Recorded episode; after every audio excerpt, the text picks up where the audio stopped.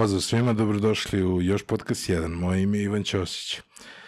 Želim da vam se zahvalim što nas gledate, što nas slušate, što nas pratite, pretplatite se na ovaj kanal, zapratite nas na društvenim mrežama, preporučite nas prijateljima, naročito onim prijateljima koji kažu da više ne gledaju televiziju. Na početku želim da se zahvalim našim sponzorima, to su Beans Kafa, uz koju razgovaram sa svojim gostima. Ukoliko želite da imate kafu, espresso u svojoj kancelariji ili u svom domu, linkovi do Beansa su u opisu podcasta. Naš drugi sponsor je MVP Workshop, oni razvijaju rešenja budućnosti na blockchainu u Srbiji, u Beogradu, možete raditi od svoje kuće i raditi sa njima na raznim nekim super projektima, linkovi su takođe u opisu ovog podcasta. Moj gost je Miša Relić, on je vlasnik Enso restorana, vlasnik Bitef Art kafea, deo ekipe koja organizuje Musicology festival. Tokom snimanja su nam obe kamere otkazale, tako da je ovo četvrta najava ovog razgovora koju specijalno dobijate tek na kraju našeg razgovora koji je ispo sjajan i preporučujem da, da ga gledate. Jedan do hiljada, popisao si hiljadu jedan. Još podcast 1. Dobro mi došao. Bolje te našao. Boga mi nije ti bilo lako naći. Stvarno? Prvi put si ovde? Pa prvi put onda je u grada, da. Nisam ni znao da ovo postoji u stvari. A pa eto, stepa čujena. Ne, da, s te strane sam znao, ali nisam nikad bio ovde. Nikad. Da, da. Pa dobro, la, ono, sad kažu ljudi da je super i gomila ljudi koji vidi, znaš, kao, wow, što je ovo dobro, kao. Počeo da mirjemo. Ne znam zašto. Nemoj tako.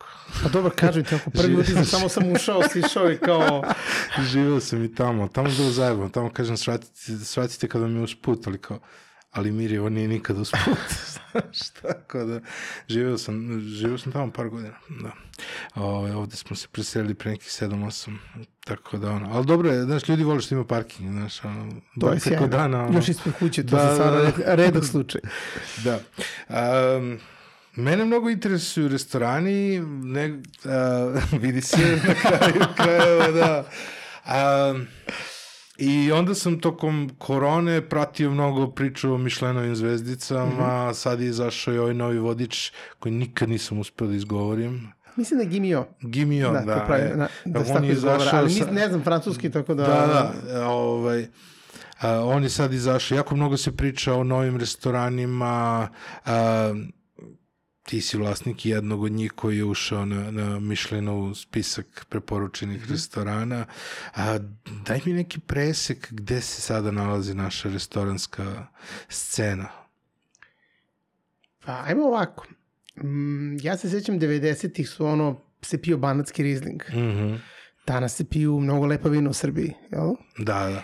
E, pa isto tako da su bili restorani nekada, tako su sada i naši restorani zaista na višem nivou. Mm -hmm. I mislim da je gastronomija generalno u poslednjih 10 godina e, jako skočila u Srbiji i tek će odskakati. Ono što je sad problem je što nemaš dovoljan broj kuvara, nemaš dovoljan broj konobara, e, svako misli da može da drži restoran i onda svako otvara restoran i on se to rasplinjuje kvalitet i to je činjenica da je tako.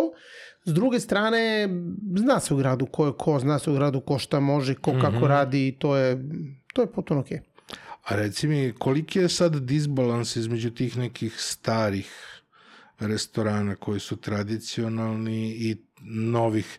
Nekako mi deluje da je sve ušlo u fine dining priču, znači sve što se ovaj sve što ide u tom nekom pravcu restorana koji su bili praktično na spisku za kao, kao to mi je bilo super zato, ovaj, zato što si ti jako dobro predvideo koji će restorani ući Ja se na... nećem toga, šta sam ti rekao, ja nemam pojma šta, ja znao sam ti rekao za Enso, za Homu, za Langust. Nisi meni, nego u intervjuima, kada, Jel? kada, jer ja sam sad kopao u pripremi, ovaj, e, znaš, ja sam dobro. kopao e, šta je sve, što, koje si sve intervjue davao i kada je bilo najava da dolaze Mišlenovi ono, e, testeri ili ovaj, Kak, inspektori njihovi, onda je bilo, svako od vas je davao neko predviđanje, kao i ti si jedini, mada je na kraju bio veći spisak, nego svako je dao bar pet i ti si pogodio svih pet koji su ušli na spisak. Pa ja ne mislim da je to bilo nešto teško. Mhm, mhm. Mislim, To se vidi. sam, sa moje tačke gledišta, tih pet restorana jednostavno su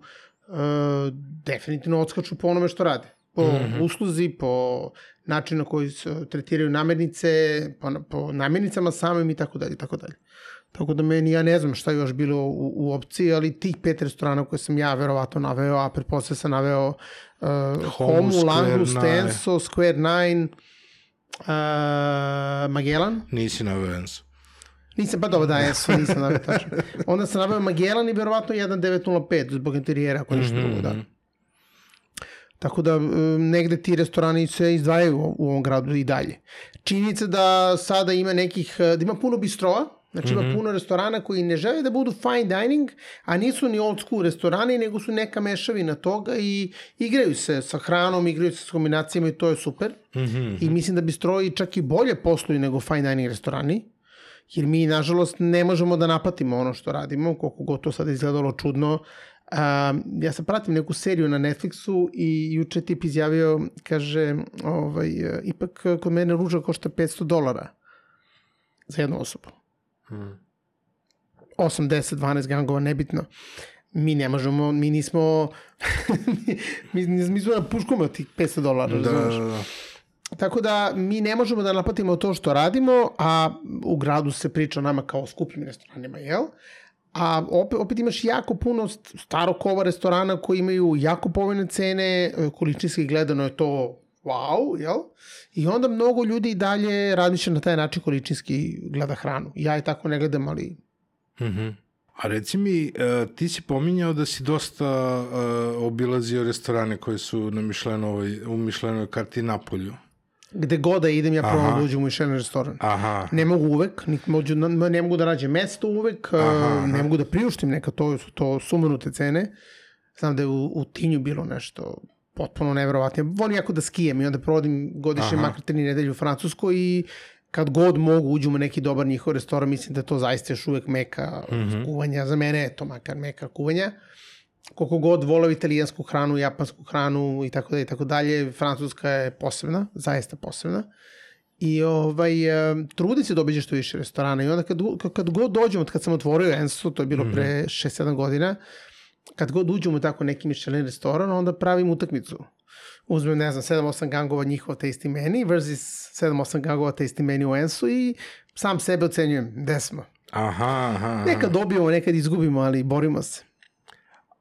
Dobro, a šta može da se, recimo, ko, koje su u stvari te neke ogromne razlike? Koliko sam ja shvatio, njima su, su ogromne razlike između samih zvezdica. Ogromne su razlike među samih zvezdica. Ja konkretno uh, više volim da jedem u one star restoranu mm -hmm. nego u tri star restoranu. Zato što tri, restora, tri star restoranu možeš da budeš... Um, kako da ti kažem, u tri star restoranu ne mora znači da će biti oduševljen ukusom, mm -hmm. Ali će biti spektakl. A u one star restoranu će sigurno biti oduševljen ukusom i bit će manje spektakla. Aha, aha. Ne znam da me kapiraš. Znači, možda da, se dogodi da, da dobiješ balon negde. Juče sam sad se pominjao opet žerašnje ovaj, epizode koje sam gledao na Netflixu, ali može se dogodi da dobiješ neki balon koji je ludilo. Wow, kako ste napravili balon i kao da ga pojedeš i on je kao to neka šećeni balon. To je okej, okay, kao, ali ja bih možda radije pojeo neko suludo pače mesa ili sećam se da sam u, uh, u to je bilo u Šamoniju. Mm I isto je bio one star restoran i otišao sam posle nekog fantastičnog spusta dole i bio je dogovor ako preživimo ovaj spust idemo u taj mišljeni restoran. Bistro se zaočini mi se. I zaista smo imali sedam gangova tasty meni koji ja dan danas, dan, danas pamtim ukuse tog menije. Stvarno. Koliko je to bilo dobro. Čovječ. I jedan je u kojem jako totalno ostao onako u, u pameti je uh, crab, znači rak, jel? Mm -hmm. koji je, onda imaš, uh, izvini, lažem, parfe od raka, Parfe od da, raka. Parfe od raka, Dobro. dakle penica, neka vrsta penice od, od, od raka. Um, onda imaš ovako ostrigu koja je urolana u beef carpaccio. Dobro. I onda to pokupiš taj parfe i... Mislim, ludilo. Ja pamtite zaloge. I reci mi kad, kad tako vidiš nešto kod nekoga, uh, kako sa tvojom ekipom? Im preneseš, je li to onda inspiracija, uh, je li se desi da, da restoran uh, pozajmi od drugog restorana recepturu, Sigurno. pošto su sve unikatne stvari, manje više, da. u nečemu su različite, pa Znaš šta, svaka bude sigurno da, unikatna. sigurno da na ovaj ili onaj način uh, oni pozajmljuju. To je kao Mhm. kad si muzičar, pa slušaš jako puno muzike, pa u nekom trenutku neki deo nečega uzmeš, a nisi ni Neki svestan. riff ti ostane u glavi. Neki da. riff ti ostane u glavi. Ali ovaj, velike su razlike, znaš, tebi Mhm. u tim kuhinjama, u pravim mišljenim restoranima, govorim mišljenim restoranima po Francuskoj, Italiji, Nemačkoj, pošto po zapadu generalno, pa i po istoku, radi jako velika ekipa ljudi. To nije 3, 4, 5, 6 kuvara, to je 10, 20, 30 kuvara koji se pripremaju Mhm. celu tu akciju da bi ti dobio to neko jelo tako kakvo je. Mi to ne možemo ovde da priuštimo, pod jedan, pod dva ne možemo da nađemo taj broj kuvara koji će da učestvuju u tome i pod broj tri mi to ne možemo da naplatimo. Sad ja, ne znam, ono, uzmeš biftek kod, u, kod mene u Ensu i kažeš, ja, fantastičan vam je biftek. A onda ja treba da ti objasnim da od e, dve kile bifteka koliko mi jel, ovaj, uzemo, na primjer komad od dve kile, mm. nama izađe nešto ono, sigurno 30% bacimo. Zato što sve to mora da bude perfektno, to ni jedna žilica, sve mora da se izvuče, Da, da, sve da. mora da se upakuje, da taj biftek bude zaista takav. Pa mu ovi pevaju, pa mu ne znam ovo, pa mu ne znam ono. ja znam još da ispričam priču kad sam otvarao restoran. Ja o muzici znam dosta, ja o organizaciji koncerta znam dosta. Ja sam klaber, ja sam neko ko od 2001. drži bite fart kafe i meni je to u krvi i ja sam osnovno bio muzičar koji je prošao od faze komponovanja, izdavanja jedne, druge, treće ploče i tako dalje, i tako dalje. Znači sve sam to prošao. I to mi se kristalno jasno. Mhm. I gospodin razmišlja o tome da otvori restoran u svom tadašnjem magazinu i kaže mi sad da otvaram restoran, važi otvaram restoran. Nađem kuvar, jer to je jedna fantastična priča.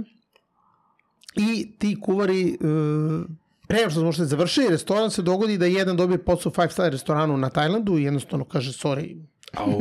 bat jebi ga. A, I meni cela ta priča, kako sam ja zamislio da imam jednog tajlanđana, jednog srbina, italijana u kuhinji, propadne i ja sam teo da ih sukobim i da ih posvađam i da od, onda od njih trojice, koji su tri potpuno ra- različita lika, izađe nešto spektakularno. To je bila ideja. Kao koncert ono. Ta priča pukne, ja očaran, pravim restoran, nemam, nemam kuhinju. To je Da. kao da praviš ono kluba, nemaš binu, što se tu duše odo i događa često. Ali kod mene ne može tako da bude. I ovaj, uh, u jednom trenutku u klubu Beautiful Letnjem, to sećam kao danas, um, doći gostesa i kaže, zovete ovaj dečko. Ja dolazim, ko je dečko? Neki visoki tip, kasnije saznam da se zove Stefan, koji je saznao da ja tražim kuvare i on meni da objasni, ali onako dobro pijen. Da mi objasni da ja najveći guve Uroš i Neđa. Ti ja kažem, važi, važi, Uroš i Neđa, super, baš mi drago se videli, hvala ti na tome, ovo, ne, ne, ne, ti ne razumeš. I čovek, ono, ubi me čovek. Pokušava da Uroš objasni. i Neđa, Uroš i Neđa. Sad ja pola razumem, pola ne razumem što trešti ona muzika, sve ono. I čovek ode i ja dođem kući i probudim se ujutru i kažem, čekaj, nemam šta da izgubim. Znači, moram da nađem tog Uroša i Neđu. Zovem, zovem koleginicu u gostesu i kažem, mojte, ti znaš ko je on čovek. I sad mi nekako dođemo do njega i on nam pošalje telefon ove dvojice. I ove dvojice dođu na sastanak i to izgleda ovako. Neđa sluša jazz, funk, soul, jako puno muzike, sluša potpuno je blizak mm -hmm. meni u tom smislu. A Uroš sluša, kako se to zove, dark rock ili hard rock ili mm -hmm. hardcore, ne mogu da definišem, ali baš onako potpuno drugačiju vrstu muzike. Uroš ima dugu kosu do leđa, mm -hmm. leđa Neđa je skroz ošešan, Uroš je visok, Neđa je mali. Ne možeš ih pojiti nikako. Crno i belo. Međutim, njih dvojica su zaista jedan ono pun krug Mhm. i ovaj, ja se odlučim da vidim kako oni to rade i tako dalje. Oni su mi napravili zecu i propastili su mi život. Ja sam zbog tog zeca koji su oni napravili, ja u stvari ovaj, eh, napravio fine dining restoran. Meni je prva ideja bila da napravim sophisticated tapas bar, Aha. da to bude ne bude baš fine dining jer sad ćeš saznati zašto ne fine dining ali da budu interesantni zaloga i da bude sukup više vrsta kuhinja, da stvarno se igramo sa tim ukusima i tako dalje. To je bili prva ideja. Mhm. I oni mi naprave tog zeca i ja prvi put u Beogradu osetim potpuno četiri različita ukusa u jednom zalogaju. Znači, nije ono, daju ti tanjir, pa ti sad kao tu nešto kao jedeš, pa kao on ti ispriča neku romansiranu biografiju o tom jelu, a u stvari ti osjetiš slano i slatko, recimo. Mhm. Ne, ti kad tog zeca pojedeš, ti osjetiš prvo tu slanoću od zeca i od mesa, onda osjetiš ovaj, slatkost od banane koja se nalazi u sladoledu, Mhm. onda osetiš kiselinu od tušije koja je pobacana po tom jelu i na kraju zaista osetiš ovde negde pri kraju kad progutaš to sve i kad to pojedeš, osetiš zaista ovde malo karija, jer taj sladoled od banane i karija. Mhm. Ja to kad sam pojao okrenem se ka tijeni kažem Rekao, vidi, imamo problem. Ja ne mogu Ronaldo da teram da, peva, da igra beka. Mislim, potpuno je besmisleno. Aha, Znači, dobro. pratio, znaš, kao Sviđa dovodim... se paralela Ne, jako. bukvalno tako sam, Jest. bukvalno tako sam rekao. I ovaj, sam shvatio da ću morati da odem u neku drugu krajnost. I u nekom momentu mi sad završamo restoran, već je kao gotovo. Ovo ja, kao otvaramo, kad Mhm. otvaramo u petak, otvaramo, momci otvaramo petak. Oni kažu, u koji petak? Ja kažem, pa u petak. Mhm. Kaže, čekaj bre čoveče. Pa nama bre, treba nam 10 dana da kuvamo da bi mogli da otvorimo. A ja... Kažem, šta bre da kuvate? Ste bre normalni bre. Mislim, ne razumijem o čemu pričamo. Međutim, ajde, rekao, tamo mi da završimo neke stvari u restoranu, kao, znaš. Mhm. I stvarno mi dolazimo, onako svaki dan dođemo u klub, odemo na, u kancelariju, uveče dođemo u klub, izađemo iz kluba uveče u 3 ujutro, 4 ujutro, 5 ujutro, ovi u kuhinji kuvaju. Neki kese, nešto, nekoj vodi, nešto, nešto. Šta kad niko rade naručio? Onda odu i ostave, cela kuhinja radi. Oni odu ni sve ostale, sve, sve, sve radi. Kuvaju se sosovi celu noć. Kuju, to po dva, tri, četiri dana se sve sprema. I onda smo, sećam se, doveli deset mojih prijatelja, da njima prvo predstavimo, meni svi su bili onako, wow, šta je ovo? I oni su bili zbunjeni. Mm -hmm. To su sve ljudi koji dosta putuju. Aha, aha. I meni ideja Nisu bila novi, da... nisu Da, novi. meni je 5-6 ljudi koji dosta putuju mm -hmm. i ono 5-6 ljudi koji su ono više u, u Srbiji, tako da su možda malo imaju otkom prema tome što mm -hmm. radimo i baš to da im kako će da reaguju. I bile jako pozitivne reakcije, mi smo otvorili restoran i taj restoran prva 3-4 meseca radio fenomenalno. Mi smo nova priča u gradu Aha, aha. i onda trenutku dođe Dan Tana koji je inače prijatelj mog oca iz Amerike, pošto moj otac živeo u Americi od 90 i Pominjao ga je. Sergej ovde u podcastu mm -hmm. i bio je u Beogradu na, baš na promociji Sergejove knjige i hteo sam da ga dovedem, međutim imao je preveliko, preveliku gužvu u rasporedu. Da, da, on je, on je neverovatan tip. Znači, on je, on ima, e, njegova gospođa je dosta mlađa od njega, ali ono bukvalno ne može da, da ga isprati. On je potpuno neverovatan čovjek. Sjajnik. U svakom slučaju dođe jedan Tana i donese mi 100 evra. Sad pazi, ja u tom trenutku imam 40 i nešto godina, 41 mm -hmm. godine. Kažem, daj bre Deni, evo te sam mi tu donosiš, mislim, mm -hmm. sam klinac, mi donesiš 100, 100 evra, misli si normalan. Ne, kaže, to je pravilo u Americi, kad neki kolega otvori Aha, novi restoran, svi dođemo sa po 100 dolara, potpišemo se to je kao podrška. Aha. E, rekao u tom slučaju, ok, i ako piše na papiru, na tom 100 eura piše, dragi Miša, da je došao najteži posao koji postoji. To, tom kontekstu nešto. Opa. Ja gledam Tijanu i kažem, fazi, Dena, majke, ti najteži posao koji postoji mi, ono, ključ u bravu puno i ko, to je to. Prošlo je to naše novi restoran u gradu, 4-5 meseci, došlo letom, zakasnila tenda mesec dana, ljudi nas uklavirili kao zimski restoran bez bašte, Aha. jer nismo imali tendu prvih uh, meseci po dana leta, došla nam tenda nešto 15. juna umesto 1. maja. I naravno restoran prepolove sa gosti, troškovi dalje idu ono full, znači drama. Trebalo je, boga mi, dobrih dve godine da se mi vratimo opet u život, da počnemo opet da funkcionišemo i onda, naravno, vraćamo se na temu koja tebe interesuje, događa se Mišelin i mi konačno radimo kao što smo trebali da radimo vjerojatno od prvog dana. Ekstra, ekstra. Um, pričaj mi još malo o, o generalno tom problemu stafa u Srbiji. Znači, ja sam mislio to ima samo u IT-u, znači, dok nisam Pa ne počeo da, da da razgovaram. Odakle god želiš. uh, Prvo, um, Prvo, koliki je uopšte, recimo, za restoran tipa Ensa, ako nije poslovna tajna, koliki je zbir ljudi koje ne vidiš? Pa mogu da ti kažem ovako, da nam u ovom trenutku fali uh, jedan uh, pomoćni kuvar Mm -hmm. i jedan sušef i da nam fali uh, peračica i da nam fali jedan konobar i da nam fali barman. Pa sad ti vidi situaciju. Wow. Trenutno je situacija takva da uh, Tijana uleće u kuhinju kad treba da se pomože, kad nam ova žena Mm. ne može da dođe. Uh, ja ulećem kao konobar, a mm. ponekad i DJ-šem, pošto ono, kad je bila frka tokom korona, da smo izmislili kao ja puštam muziku, pa kao neki moji prijatelji i poznanici i ovo dođe ja kao puštam muziku, pa smo tako puni restorane. Da, baš da, mora se snaziš. Znaš, nastavili se na razne ove načine. Um, dosta je, kako da ti kažem, prvo imaš problem da tebi 1. maja ide iz Srbije 25% recimo radnika u gostiteljstvu. Aha, sezonski odlazi negde, yes. aha. A u isto vreme se otvara Boga oca splavova ili se povećava biznis Boga oca splavova, da ciganlija. Koji ne rade zimi. Sva, aha. koji zimi rade sa nekim smanjenim kapacitetom ili ne rade zimi. Jednostavno nema dovoljno ničega, kamo li kvalitetnog osoblja. Znaš, kod mene u restoranu Zajce sad imam tri divna uh, momka koji rade kao konobari. Jedan od njih je uh, šef, jel, menadžer, kako god hoće da ga nazoveš i to je čovjek koji je sa mnom od početka. Aleksandar Vrljanac, ono, jedan sjajan, sjajan, sjajan čovek i pre svega dobar čovek, uh, fantastičan profesionalac, neko koga imam puno poverenje. Mm -hmm.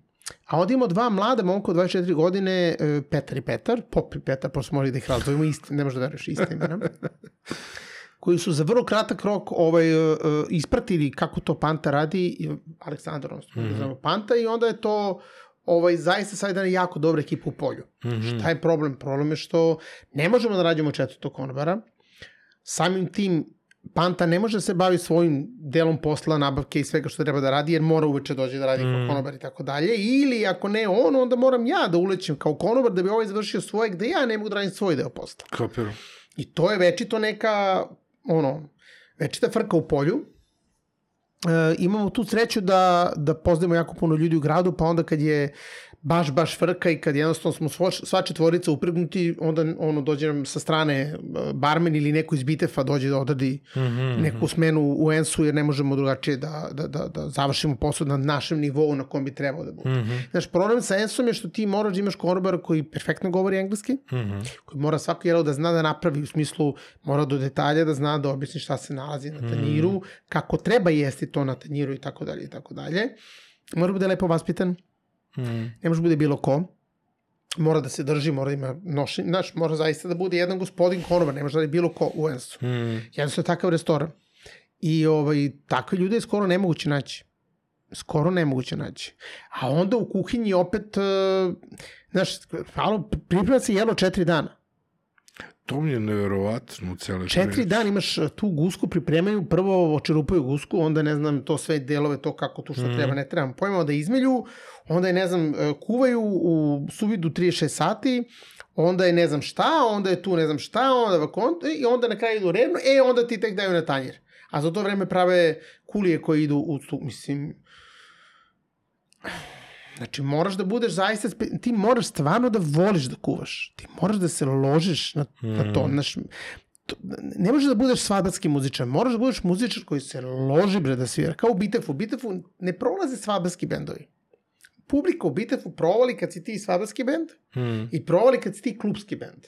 Klubski bend, to su oni ljudi koji se još uvek lože na to što rade koji daju sebe, koji, su, koji, koji nekako na specifičan način priveze tom nastupu. Koji će da odlutaju u nekom trenutku sa lažu. Pa ili će da, pa neko odlutaju, ali to je ono što ja od njih očekujem. Ne. To ja im kažem, ono, samo nemoj da mi budete svadarski band koji gleda na sat i odrađuje posao. Kapiro. Meni, vi ste na to veče kad svirate u Bitefu, vi ste to veče, zvezde večer, vi imate svoj koncert.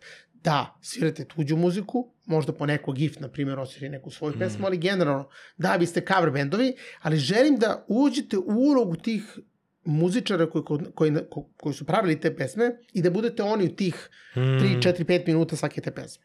I generalno uspevam to sa bendovima. I to, pre, i to primenjaš svuda u životu. Pa, znaš šta, ako dolaziš jako, da kuvaš u a ne ložiš se na to, obesit ćeš se. Kako ti kažem, gledaš u taj sos dva dana, pa ja, ja bi se obesio. Znači, ili bi je stalo da taj sos bude perfektan, ili bi, ne znam šta bi radio sam sebi. Pa kad Nije sve jedno. Kapiram. Nema, I sad je jako teško zaista naći nekoga ko će da dođe u Enso, mm. da radi taj posao kako treba da radi, a pritom mi nemamo promet kao sad, ne znam, neki restorani po gradu koji imaju neke, ne znam kakve promete. Mm -hmm. Samim tim mi ne možemo da imamo plate kao neki drugi restorani. Kapiram. I onda dođeš u situaciju da a, ako neko to ne voli, ako se neko na to ne loži, ako neko ne kapira i to slobodno vreme koje ima i ošte odnos sa mnom, jer ja nisam neko ko je gazda Mm. Ja nisam takav čovek, ja se trudim da radim sa njima šta god da mogu da radim i da se nađem i ovima u klubu i ovima u, u restoranu na svaki mogući način. Samo ne u kancelariju kod devojaka, pobiće me kad god dođe puce u mene, tako da u, u marketing ne ulazim. ovaj, I zaista treba specifična osoba, tako da je nama jako teško da nađemo neko ko će da radi u kuhinji, u restoranu uopšte i u klubu. Kapiram još plus to što je četiri dana je četiri dana, bez obzira koliko ljudi dodaš na, tu, na taj ceo proces, ne možeš da ubrzaš Realno, to kada bi dana. sad kad bih našao, sad kad bih mogo da, da potpišem, što bi mm. da potpišem, futbolski klub, kad bi mogao da potpišem jednog mladog dečka koji bi e, počeo od nule. Ali skoro se pretvorilo kao futbolski klubovi, znači za mesta da, da. gde, gde, gde fale ozbiljno, Jeste. gde, gde fale kadrovi, po, postali su bukvalno sportski Znaš klubovi. Znaš koja je razlika? Ne možeš im ništa. Kome? Ti u futbolskom klubu. Aha ako neko ne igra loše, staviš ga na klupu, ima da sedi na toj klupi i da ćuti dok ti ne kaže da može da igra. I da ga niko Jel? ne vidi, aha. Ne može da ide u drugi klub. Da, da, može da traži transfer, ali ne može da ga dobije. Hmm. U našem poslu, u ugostiteljstvu danas, ako nemaš dobar odnos s osobljem, ako to osoblje, pritom, znaš, ima sad dve opcije, ili, ili to osoblje pravi toliko para od bakšiša, od ne znam čega, hmm. pa ćute i ono kao je ili si u nekom dobrom odnosu sa njima, radite neke lepe stvari, imate neki dobar, imate neku priču oko svega mm. toga, jer, znaš, neko napravi neku grešku, ti ne reaguješ na adekvatan način, taj sutra ne dođe na posao, a preko sutra nađe drugi posao. Za isti ili veće pare. Isto je tako i za konobara. Još mu je wow što je radio u Ensu. Jeste, ima čak potpis da radi, evo kaže, radio sam u Ensu, došao sam ovde, znači znaš svašta, naučio da. si svašta. Konobari, ista situacija. Jednostavno, znaš, da. jako je tanka linija um, kad neko napravi grešku, kako ćeš da odreaguješ? Moraš da odreaguješ i moraš da kažeš, ej, to nije okej, okay, nemoj tako to da radiš. A s druge strane, znaš, ne možeš da, da ga kazniš. Kako po, da ga kazniš? Vezane ti ruke. Vezane su ti ruke. U stvari, generalno u ugostiteljstvu su danas uh, zaposleni u boljem položaju od vlasnika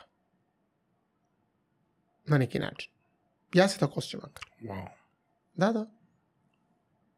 Da, i to je baš zeznuto. I što je bolji restoran, to mu je teže.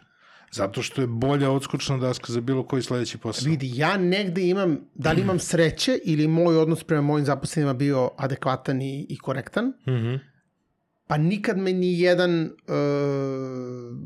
član ekipe nije ucenjivao po znacima navoda. Nikad Aha. mi niko nije tražio dupliranje plate, mislim, mm. ili ne znam ja tako. Realno to može mi se dogodi. Realno ekipa koja trenutno radi u Ensu, govorim pre, prevashodno o, o, o tri, četiri guvara i, i, i, i tri konobara, znači njih sedmorica realno mogu bilo da se zaposle u gradu. Mm. U svakom momentu mogu bilo da se zaposle u gradu.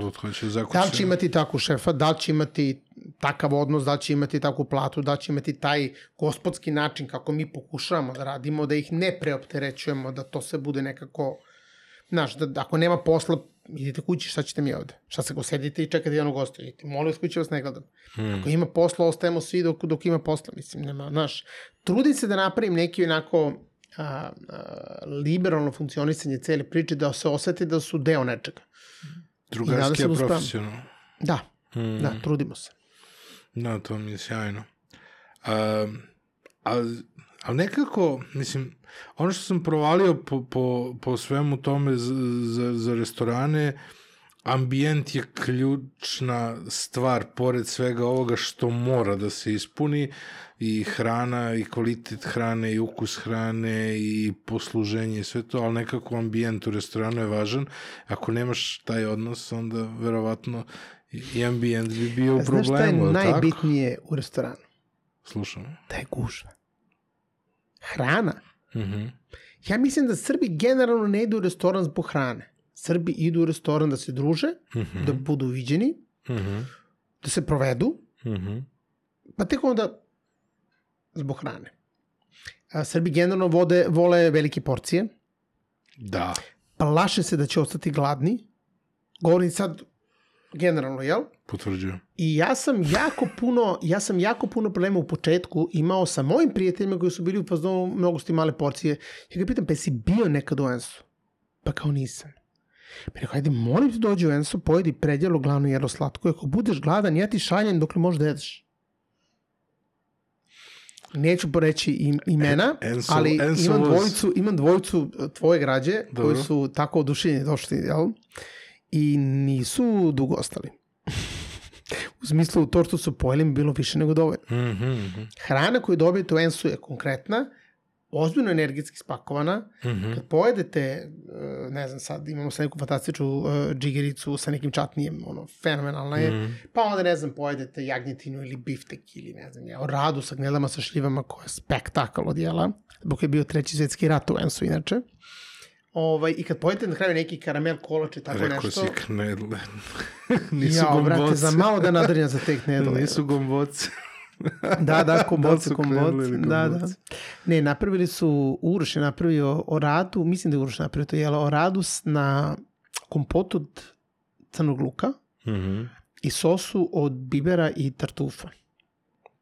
Sa svežnim tartufima preko i ovaj, čim si bila neki ono, luk iz turšije bio preko.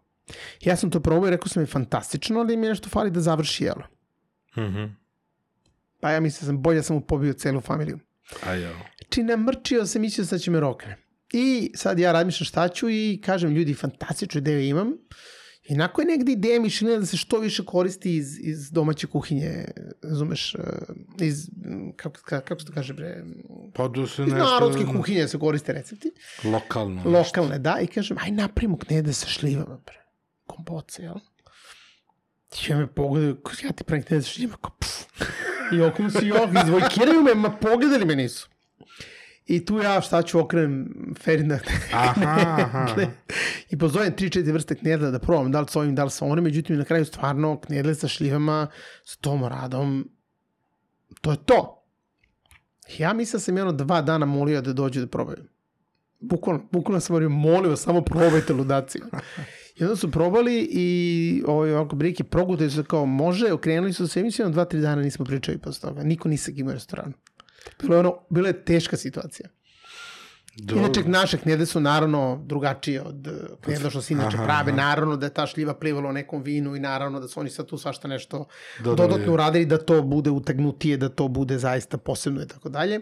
Ali to jelo verovatno nećemo skidati sa menije nikad, kao ni zeca i gusku koji su nam ono potpis restorana. Aha, aha. A kako deluje to eksperimenticanje? Šta je nešto što ste onako se zaletili od, i da ste na kraju odustali od... Da li si realan? pa dobro, ali nešto, Pa, ono, kao, znači, kao ja ne, mislim- nešto što ti pa ono, na, na, ono prvo na, na pameti. Ne mora, naravno da ih ima puno toga. Pa ne, ne mogu ti kažem jelo, zato što mi odustanemo na pola nekog pokušaja, Aha. nekog sosa ili nekog Aha, jela aha. ili ne znam čega. Šta se događa u kuhinji bolje da ne znam. Pošto kad se pravi novi meni, ja samo ne gledam šta poručuju, jer džaba da se nerviram. mislim. Koliko traje pravljenje novog menija? Pa kako kad? ovaj posljednji smo, mislim, radili dva meseca. Ja sam mislio da se nikad neće dogoditi. Treba je da izađe 15. aprila, izašao je nešto Aha. 15. maja, recimo, počeli smo kao da ga radimo u martu, ali mislim. to- Mislim, ja sam kao muzičar, ja kapiram njih da su umetnici. Mhm. I onda kapi, ja znam kako sam ja radio moje ploče. To je bilo mukotorno. Mi sedimo tri meseca zaključani kod mene na gajbi, kompjuter, ono, razni instrumenti i komponujemo. Mm. Za poslednju ploču smo radili 50-60 kompozicija, od kojih je 16 otišlo producentu, od kojih je on izabrao 12, od kojih smo na kraju snimili 10. Mhm. Isto tako i sa hranom. Svašta se tu nešto krene, pokuša, promeni, ajmo se do ovo, ajmo se do ono, pa nam nešto ne ide, pa onda ovaj poludi pa neće više pravi to jelo.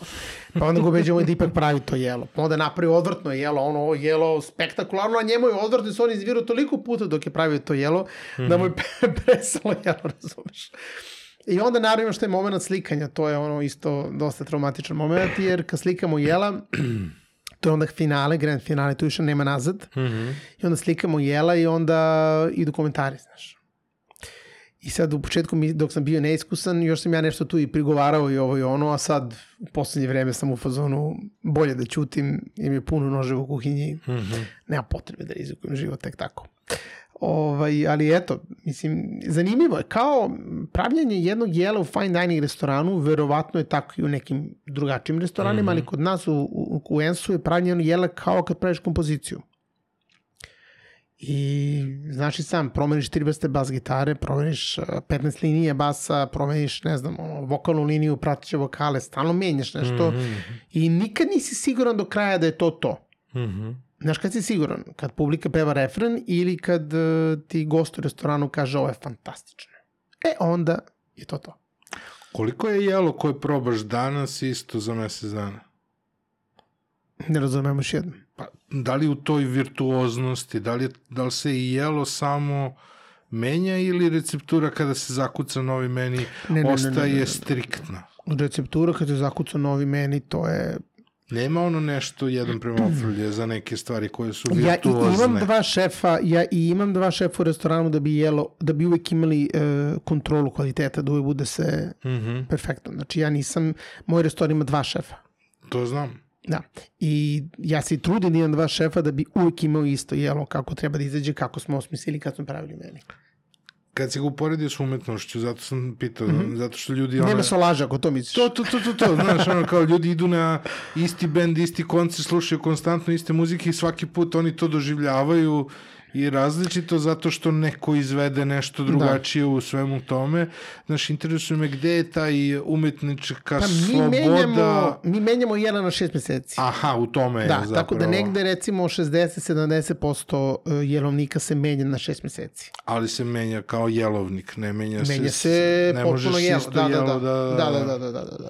Mm -hmm. Jedno smo samo vratili, to mi se čini baš posle korone, koji je bio neka vrsta restarta za restoran. Mm -hmm. I onda sam ja insistirao, pošto je bilo pet godina restorana u tom trenutku ili tako nešto. Mm -hmm. I onda sam ja insistirao da vratimo uh, najbolja jela po mom ukusu, a i onda i po ukusu njih i onda smo tu opet imali mm -hmm. Imate zahteve publike. Ono, da, zahteve publike, ono... tako da, pa imali smo, imali, imamo te mezalune ovaj, koje su nam, uh, nekoliko dama su mi putile pretnje kad smo ih izvedili sa menija. Ima i da, toga. Jedna moja drugarica čak prestala da dolazi u restoran wow. ljuta ko puška. Jer kao ne može da razume kako smo spatili to jelo. Da, mezalune su bile baš ovaj, kamen spoticanja. Mm. Ovaj, tu, da. I znaš šta se dogodi? Dogodi se, na primjer, napravili smo tu piletinu pre 3-4 godine I mi se trudimo da u svakom meniju uh, ipak ima neka piletina. Ne postoje ljudi koji nisu baš spremni na fine dining i hoće da pojedu neku piletinu. Znaš kao. Mm -hmm. I sad naša piletina je malo više od piletine. Naša piletina se prvo uh, kuva u suvidu, onda se digne kožica, pa stavi neki tartufi, pa se vrati kožice, pa se zapeče malo u reni, pa se zapeče malo u tiganju. Sedam tiganja se koriste, se napravi to jedno jelo. 20 minuta im treba mm da to sve spakuju. I mi još uvijek nismo uspeli da napravimo bolju piletinu bilo je pokušaja, ali šta god da krenemo, nešto belo meso, pileće belo meso, jako teško da napraviš neki sad tu hmm. spektakl. Uspeli su da naprave taj spektakl i mi sad svake, svake sezone kao možda bi trebali da promenimo piletinu, onda se kao razmišlja o tome i onda kao hm, ostanjemo piletinu. I ta piletina se zadržala uh, 3-4 godine već. Mm -hmm. Upravo zato nismo napravili bolje biftek koliko god da nam hvali, koliko god da pričamo o tom jelu stalno, ja ludim što ljudi govore kao imamo najbolji bifteka u gradu, ja mm -hmm. ludim od toga jer mislim da imamo mnogo boljih jela od bifteka. Mm -hmm. Međutim, ovaj biftek nekako uvijek uspeo da me iznenade, uvijek uspeo da ga promene tako da je ili bolje ili ako išao drugo potpuno drugačije od ovoga, a ima isti ono... Novo iskustvo. Da, i novo iskustvo mm -hmm. donese neko. Da. A, pominjao si nabavku bifteka, pominjao si sada često nekoliko puta tartufe. A, kako funkcioniše u Srbiji nabavka ek, tih nekih egzotičnih namirnica? Se to tržište stabilizovalo? Je li postoje ne. još uvek stvari koje su nedostupne u Srbiji, a koje, bi, koje nema smisla da su nedostupne? Pred prošle zime, sorry, zima pred uh, koronu, sam mm -hmm. imao ideju da se posjetimo divljači. Da Dobro. bude meni posvećen nekako divljači. Aha. I pokušali smo se da organizujemo da imamo redovnu dostavu kvalitetne divljači. Dobro. To je nemoguće. Wow. Stvarno smo probali. Nemoguće. Mm -hmm. I dalje u Srbiji uh, veliki problem za sve nas koji se bavimo fine diningom, što je jako teško doći do um, standarda namirnica. Jako teško. Mm. U svakom smislu govorimo o tome da dogodi se da nam uh, firma koja nam nabavlja salate i ono zelenilo, jel, i povrće mm -hmm. tako dalje donese da mi 30% jednostavno ne možemo iskoristiti. Čoveč. Možda može da prođe u nekom restoranu da to ide u neko pohovanje, nešto, ne znam ja šta. Kod nas to mora i da izgleda, i da ima ukus, i da bude tekstura, mislim, Kapiram. tako da standard je jako teško održati. A ovi neki uvozi egzotičnih stvari koje su, nisu dostupne na ovom tržištu, kako funkcioniše sa tim stvarima? Prosto ne rade sa onim što nemaju? Pa, mislim, znaš šta, negde se snalazimo, negde ne rade, nekad ja nešto donesem iz inostranstva, nekad neki prijatelj donese mm -hmm. nešto iz inostranstva, ne, znaš, kad, ali to je opet dvosekli mač. Ti kreneš da radiš, mi smo pre neko vremena imali neke brizle koje smo radili sa nekim sumanutim italijanskim a, to nije ni brašno, po, neka masa za poh, jel? Mm -hmm. Koje ti kad napraviš tu brizu, to mi izgleda kao kao one bombe iz crtenih filmova sa onim bodljama, onako. Aha, aha. Spektakularno, ali više nikad nismo našli to. I to je bilo to. I morali smo promenimo sliku da bi na, pošto ti znaš da imamo oni tableti, da. da kod nas sve čitaš detaljno što imamo jelo i tako dalje, morali smo da promenimo jer mi to ne možemo da ponovimo. Ne možemo da nađemo to. A ja. nema smisla da ja se odem kolem u Italiji i donesem ono pun gepek toga, prvo nema u prođem carinu. Da. Ako prođem carinu, opet ću morati da idem za neko vreme da. po to isto, znaš, i onda odustaneš od nečega. Ču. Tako da smo tu dosta limitirani i, i ja se iskreno nadam da će to biti bolje. Mm -hmm. Dosta restorana se snabdeva u metrou i mi se delom snabdevamo, snabdeva u metrou, oni ipak imaju te neke stvari koje ponavljaju mm -hmm. i mhm. koje mogu da ponove, pa onda, znaš, od toga što imaš napraviš najbolje što možeš. Mm -hmm. Meso nam je priča kvalitetno, mi imamo neko dobavljača koji ovaj, nam redovno dostavlja zaista dobar kvalitet mesa i tu sam jako zadovoljan. I to je važno danas, čoveče. To je, da. I... Pogotovo za restorane kao što je Enso. Pogotovo u kontinuitetu. Da. Da to, da to može da, da, da traje. Da, da, da. Mm. da.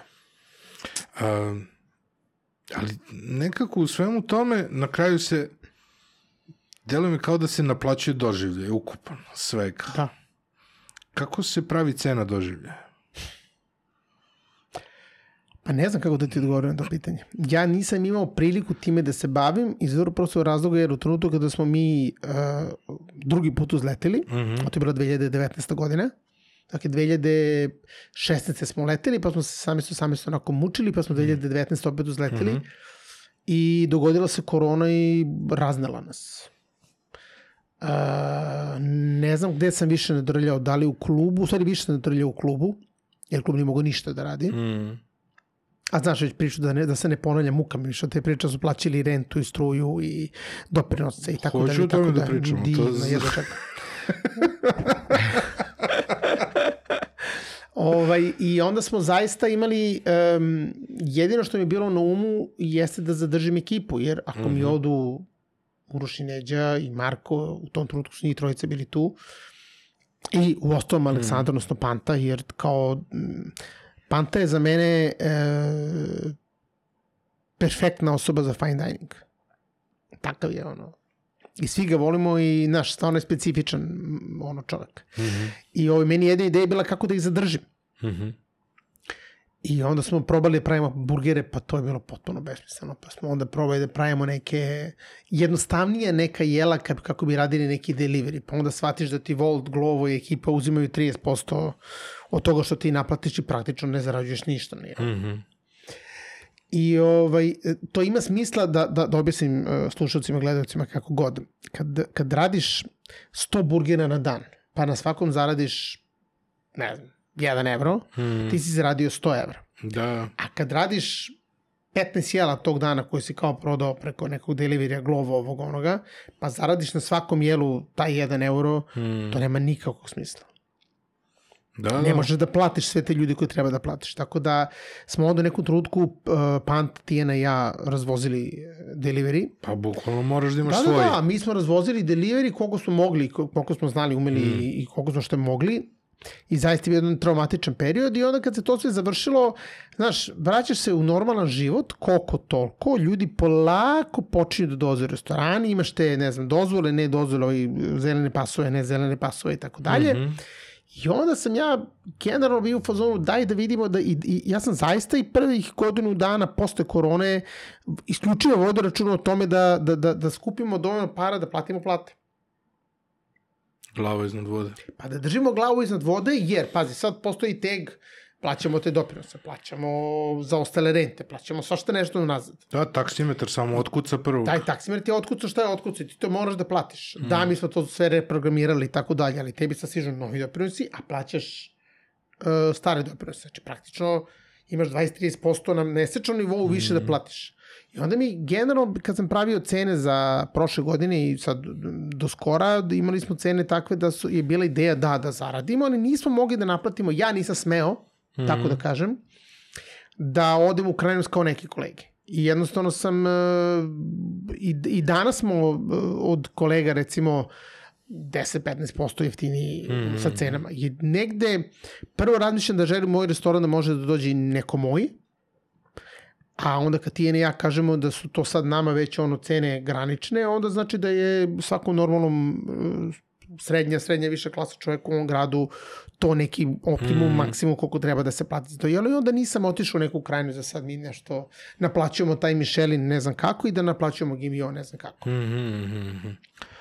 Ali da, ti sad kad odeš u inostranstvo i kad dobiješ meni od, ovaj isti meni koji dobiješ u Ensu za, ne znam sad, mislim da me tasty meni sad od 5 gangova ne vada 40 evra, testi meni od 7 gangova je ne znam 50 evra, mm -hmm. to isto u inostranstvu plaćaš 150-200 evra. Nabavna cena je Bi slična. Bar, bar slična. Slična. Možda je renta, renta je možda mm. drugačija, ako se nalaziš u gradu. Kapiram, aha.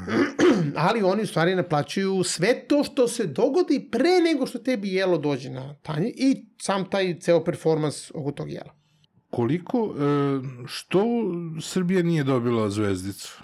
Što je dobila preporuku? To nije pitanje za tebe. Pa...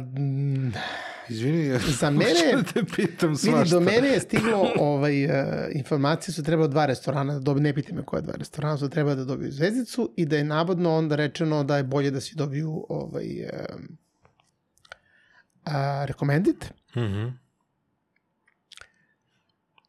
i jer kao korona nisu bili jednaka, ovaj, jednaki uslovi za sve aha, aha. i tako dalje i tako dalje da bi bilo fair da se da šansa tim restoranima da pokažu šta znaju u ovoj godini.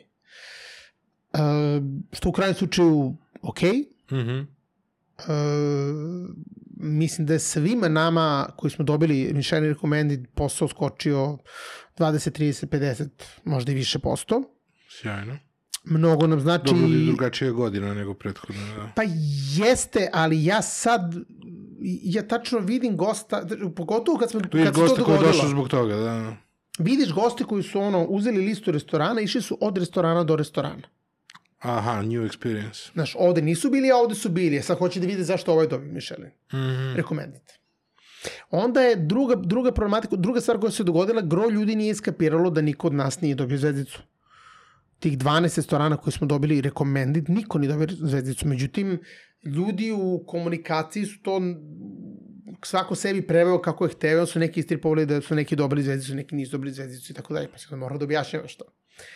Generalno je bilo to mm. jedan onako specifičan period, ali je bilo jako interesantno da su dolazili neki ljudi koje, koji su brez obilazili jedan su u širokom luku. I ono što je meni posebno drago što se sad ti ljudi vraćaju. A, to je lepo. To je nešto što je stvarno mm. lepo. I sad ovaj novi meni je opet te neke ljude vratio i polako smo ušli taj neki turnus da ljudi znaju da svake šest meseci kod nas imaš nešto potpuno Aha. novo, neki potpuno novi spektakl i druga stvar, prvi put pojedeš tasting meni isprobaš 5, 7, 10 različitih jela, zavisi koliko si gladan i zavisi koliko možeš da priuštiš i onda izabereš neka jela koje ti se ono posebno sviđaju. I sledeći put kad dođeš ne moraš da jedeš testi meni, sledeći put možda uzmeš, ne znam, samo radu sa knedlama ili možda uzmeš neku jagentinu ili možda uzmeš ne znam šta ti se sviđa, mm. mislim. Tako da mislim da to, to je jako dobro. Takođe, interesantno je da u Srbiji u fine dining restoranima nemaš samo tasty menije, mm -hmm za razliku od degustacijone menije, za razliku od um, velike količine restorana u istranstvu gde kad odeš u fine dining restoran sa zvezdicom, ti imaš njihov taste meni. I oni prave tih 680 gankova, jel? Mm -hmm. I to je to. I ne možeš da poručuješ da ti izvoljavaš da je promeniti mi ovo, promeniti on. Kad mu kažeš promeniti mi ovo, odmah vadi nož i gotov si. da, pa ne, pa stvarno je tako. Ti kod nas još uvijek možeš da poručiš a la carte u fine dining restoranu. Mm -hmm. Koliko će to biti, ja ne znam. Svi mi negde bi voleli da dođemo u situaciju da pravimo samo tasty menije, jer a, mnogo je lakše u kuhinji, Pojednostavljuje. mnogo je lakše u kuhinji, mnogo im više daje, lakše da kreiraju. A, s- sve je drugačije. Mhm. Znaš, ali mislim da još nije došlo to vreme. Mislim da još ne. Mislim da za jednu godinu dana će doći moment kad ćemo to raditi. Ali reci mi sada, a, ovi naši tradicionalni restorani, po čemu, Mhm. po čemu je Beograd i generalno Srbija bili poznati o, Mhm. ovaj, već dugo, dugi, dugi niz godina, šta oni mogu da uče od fine dining restorana, da li oni treba da se menjaju ili treba da ostanu tamo gde jesu, a, da li postoji šansa da, evo ja vidim da recimo ko, gde god se priča o vama, svuda se priča i o Dekiju, recimo. I onda, gde god su neke, uvek postoji kao special ili tako nešto, eto, idemo na ćevape kod Dekija. Mislim, znaš, ono... Ja idem čovjek da- kod Dekije. O tome pričam, znači, tako da, ovaj, a, koliko su... Gde je mesto naših tradicionalnih restorana? Pa ja mislim njihovo mesto fenomenalno. Mhm. A, mislim da imaju jako široku publiku, da nemaju možda cene kao mi, ali i nemaju toliko zaposlenih i nemaju toliko ulaganja Mhm. u, u, u to što, što rade. E, manje više imaju svoj meni takav kakav je i to vrte koji god kuvar da dođe i tako dalje. Znaš, mm -hmm. neko ode kuvar, mi smo na nuli. mi krećemo iz minusa, ne iz nule. Aha. I treba da rodimo tako kuvara, misli, treba da ga nađemo u ovom gradu. Neko Mhm. ko je sposoban tako nešto da radi. Mhm, mhm. Tebi u nekom restoranu domaće kuhinje ode jedna gospođa, dođe druga gospođa ili ode jedan gospodin, dođe drugi gospodin i nastavi da vrti taj roštilj. Neko malo bolje, neko malo lošije, ali posao ide. Da, da, da. Tako da ne mislim da su oni u nekom lošem, ono, lošoj situaciji. Ja imam neke restorane gde stvarno volim da, da odem e, i ne volim da ih menjam, priznajem. Mhm. Dosadan sam, neopisivo sam. Ja kad ne nađem ono negde mi se nešto sviđa, tipa, ne znam, volim da odem na pašu, na čorbu i meni je to najbolja čorba u zemlji još uvek. Ne može nikad da ubedi suprotno. Volim da odem na kečigu na kraj sveta u, u ovaj... E, to je... O Beško. Bože... A? Ma ne, ne, ne, na kraj sveta se zove restoran i nalazi se u Višnici. Selo Višnica, da. Volim da odem ovaj, u malu kolubaru, ok, i u komšiluku je i mogu da smaram gazu pošto mi je drugar i, ovaj, e, i volim klobu tamo, ja tamo uvijek dobro jedem sad. To mi je stvarno super. Volim kod deki da jedem ćevape činjenica. Ne znam, suši jedem u Square 9 ili jedem u onom e, Go Sushi u, u Svetozar Markovića. Sad sve reklamiram sa zadovoljstvom. Ovako, ovako. Um, ne znam da sam nešto propustio. Ja se izvinjavam ljudima koji su na dijeti ili ko- koji ne mogu nastavite da gledate sutra kad ste gladni. Ono, A volim i da kuvam, znaš. Da, da, volim i da kuvam. to šta kuvaš sebi? Pa, m, m, Ili ja drugarima, ne, kad dođe neka ekipa. Pa znaš šta, sve, sve volim da kuvam, jako volim da kuvam, i, ovaj, a imam, moja draga ne voli baš da kuva, ali zato voli da sprema, ona voli Mm. da, da sve kući put se cakli, ono. I onda ja dođem, srušim kuhinju, ona jede fantastično, uvijek mi kaže, jo, kako ti ovo dobro, i poznato. onda ona to sve sredi, iako, dobro, i, i to je to. Volim da pravim uh, kari, volim da pravim, ne znam ja sad, razne italijanske specialitete, volim da pravim hobotnicu, to me Neđe naučio, naravno. Neđe mi je, Neđe mi je sada ovaj, eh, profesor, profesor, mentor, mentor, bravo, mentor. Mislim, ja bih mnogo volao da imam vremena i da imam još, da, da imam, mogu sebe da multipliciram, ja bih verovatno radio s Neđom u kuhinji. Mhm. Jer on je sumanut lik, ono, napravi gumenu bombonu od... Napravi gumenu bombonu i daj mi da probam. I ja probam gumenu bombonu i ja znam ukus i ja ne znam šta jedem. Pa gumena bombona od maslinovog ulja. I ti prepoznaš šta je ukus, ali je toliko sumanuta, mislim, gumena bombona. Znači, razneo mi je mozak. Mhm. I tako mi napravi patliđan. Jednom ja sam mislio da je kesten. Pošto sam stavio neku miso pastu, ja što sam stavio unutra i dan danas imamo taj patliđan. I na zatvoru mi dao da jedem. Kako neka čudna tekstura, onako, ne, ne mogu da prepoznam šta je, a slatko ja. Bukvalno mislim mi stavio ono, kesten sa nekim susamom i nekim šlagom. Ono, da sam ono, to, tako, tako testiraju na meni razne stvari. A ste imali neke loše reakcije, neke publike ono, u restoranu, na, kad, kad im Da. nešto doneseš tako, a ovaj, Imali smo jednu mladu damu koja je rekla da je piletina pokvarena i mi smo se izvinili, uzeli tanjer i otišli u kuhinju i naravno svi uzeli da probamo šta se dogodilo. A, onda smo shvatili da su tartufi u pitanju. Mislim da nije pokvarena, da žena nije, Nije navikla da... nije navikla da jede tartufe. Tartufi imaju vrlo jaki, specifičan miris i ona kad je osetila tartufe, ona je rekla ovo smrdi, ovo je sigurno pokvareno i vratila nam piletinu. To. Mi smo fraz doživjeli, mi smo trčali u kuhinju da, da proverimo šta se dogodilo. Zamisliš paniku. Mm. Međutim, naravno, sve je bilo okej, samo su tartufi, mislim. Da, čoveče. Da. Pominjao sam ove tradicionalne restorane, e, oni su jedan od razloga zašto turisti dolaze u Srbiju, Svakako. drugi razlog zašto dolaze noćni klubovi. Ti si predsednik udruženja noćnih klubova i barova. Noćnih barova. se. Povredit ću se. nemoj, nemoj, ali meni je bilo drago da ste se udružili da vučete svoju borbu, mislim, i to ti je dalo Pa ja sam onako- ponosan na nas. Pa, Jer vidi, meni je bilo potpuno nevjerovatno da su u jednom trenutku imali sastanak nas 30-ak, koji u tom trenutku na novi ili onaj način vodimo beogradski noćni život. To je neki 77 klubova, recimo, u tom trenutku bilo u tom, na tom sastanku gde je bilo i ovi što rade narodnjake, ovi što rade tehno, ovi što rade, ne znam, neki mm -hmm. DJing, uh, urbani, ja koji se bavim živom muzikom i ovi koji se bavim ne znam čime i tako dalje i tako dalje. I tad sam prvi put i upoznao sve kolege pa ekstra. pola njih nisam znao i onako ta borba se na kraju svela na nas nekoliko. Pa i kad Govorim, Sam, kad sam čuo koje su se tu imena, ono, svi su bili tu.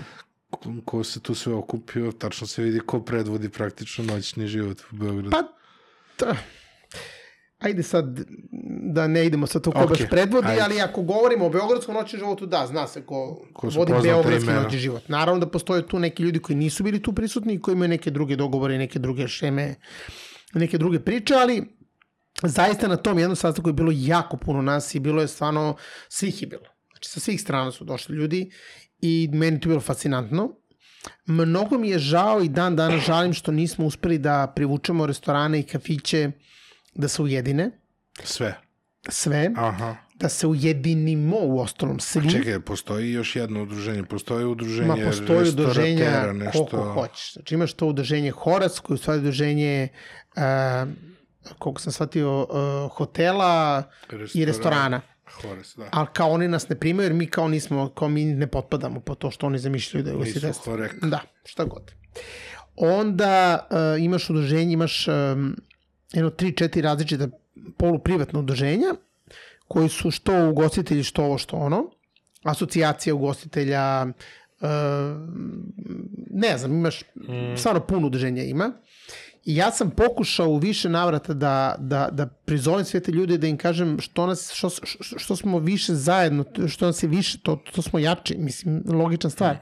Međutim, e, dogodio se taj nas protest, mislim da je bio nešto, ne znam kad je bio, više se ne nesjećam, 4. april beš. To je bio neko proleće. je Bilo je neko proleće da. i dogodio se taj protest gde smo mi zvali i kolege sa koji rade restorane i kolege koji drže kafiće i trala, trala. I došli nas hiljadu i nešto na taj protest. I to, Mi to, je, tog to nije sastanka došlo i samo iz dalje. Beograda, to je došlo širom Srbije. Došli su, došli su ljudi iz Novog, ne, iz Novog Sada ne znam da su došli, znam da su došli iz Niša i ne znam da su još došli ljudi, se ne sjećam se ne pričaju, to je stvarno ono ostalo u magli. I ovaj, tada sam shvatio da kad sam završio taj protest i mi smo krenuli kući, e, moji iz kluba, mi smo krenuli našim putem, svi smo došli sa nekom mm. ono, delom konobara, delom barmena, ko je, koga, ko je u Beogradu, ko je mogo da dođe i tako dalje. Bilo nas hiljadu i nešto ponavljam, vrlo bitna cifra. I onda sam krenuo ovaj, kao da sedemo negde ovaj, u gradu, da se ispričamo i skapiram da svi restorani i kafići rade pomerili se nisu. Mada su makar na sat vremena, u tih sat vremena našeg protesta zaključali. Nismo ni da dođu. Da su makar pokazali, pokazali znaš ono Aha, kao... kao da, da su i respekt, oni, da i su i oni stali. Aha. Da, da su stali na mesec. Znaš, već bi to bilo neka onako drugačija priča. I to me onako priča razočaruje shvatio da ne možemo da se, ovaj, e, da se sklopimo.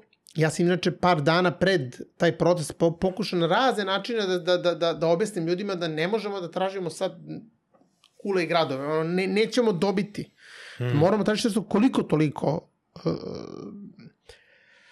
smisleno da bi uopšte mogli da uđemo u pregovore, na kraju su mi koliko toliko uspeli nešto da uradimo i da dobijemo tu neku pomoć od vlade ovaj, koja je iznosila na kraju od dogovorenih 12% koje je bilo dogovoreno na vladi, na kraju to je ispalo 6%. Ali to je bila jedna situacija gde sam shvatio da ili to prihvatam ili smo na nuli, opet smo na početku. Da, da. E, 47 klubova, ne, tako nešto. Mislim da je 40 klubova dobilo pomoć od 100 i nešto. Jer ovi ostali su imali probleme mm. sa papirima, sa ovime, sa onime, neko nije mogo se privizmo, ne znam čega, ovi nisu u PDV-u. Pa onda ovi, ovi kažu, pa ne možemo vam pomoći nekom nije u PDV-u, ne razumijem, kako nisi u PDV-u ako imaš noći klub? A ja sad ne mogu da im objasnim da u Aranđelovcu klub ne može da bude u PDV-u, jer ne mogu da dođu do PDV, njihove cene su daleko od naših cena i sve ime manje i, i rente i tako dalje, ali ne mogu da dođu do PDV-a. Mm. I ovaj, onda, eto, tu se svašta se događalo, neki ljudi su ovaj, bili zadovoljni, neki nisu bili zadovoljni, ali generalno mislim da ja lično mogu da kažem da sam uh, sve što je bilo u mojoj moći uradio, posađao sam se sa svime s kime se mogu da se posađam, u smislu uh, nisam se zaista sklonio. Mm -hmm. Sve što sam ja mogu da uradim, uradio sam 200%, ta, tako, kako se kaže, 200%, jel? Um, znam da je bio veliki rizik, sve vreme sam bio svestan da mora bude jedna linija gde pre svega pričamo o socijalnoj situaciji, o, o, o, o, o realnoj situaciji da smo uništeni, a s druge strane ne možeš da uđeš u totalno otvoreni sukob sa nekime ko u tom trenutku ima i sada ima u ostalom takvu većinu da može jednostavno da te... Ono, a ko je plasirao ono legla zaraze i to? Po medijima kao noćni Ja ne znam što, što je toliko besmisleno bilo da... su bile lokacije koje su radile bez obzira na sve blokade i na sve živo. To je najgore od svega. Znači, Znaš, bilo je nekih ljudi koji su sve vreme radili jer su bili u dilu s ovim milionima i jednostavno kod njih komunalno nije dolazilo. Ne pite me sada ko, znamo i ti i ja, zna i komunalna, zna i policija. I nije mi jasno da su nešto kažnjavani na kraju ti što su radili? Pa ja znam da su neki bili kažnjavani, ali ta kazna izgleda ovako. Znači oni su jedini u gradu koji rade, u tom trenutku prave jako velike pazare jer su jedini u gradu koji rade. I onda kao jednom, ne znam koliko dođe komunalna policija, napiše kaznu na toliko i toliko i onda on sutra dan ode i plati 50% te kazne što je njemu Šta, jednom u 10 dana totalno cool. 50%. A ja. Pa da. Tako da je tu svačega bilo ja, pošto sam potpuno apolitičan i potpuno nisam u celoj toj priči, mm -hmm. uh, nisam imao nikog pomoći nik nikoga, u jednom trenutku.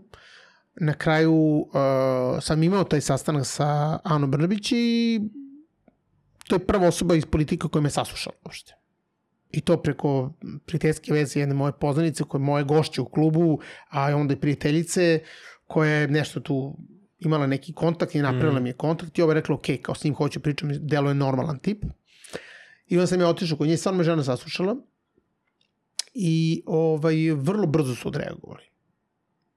I napravljeni su ti sastanci u vladi i tako dalje, tu su bili i, i čovek koji jako meni pomogao, uh, Tića iz sindikata je bio tu sa mnom.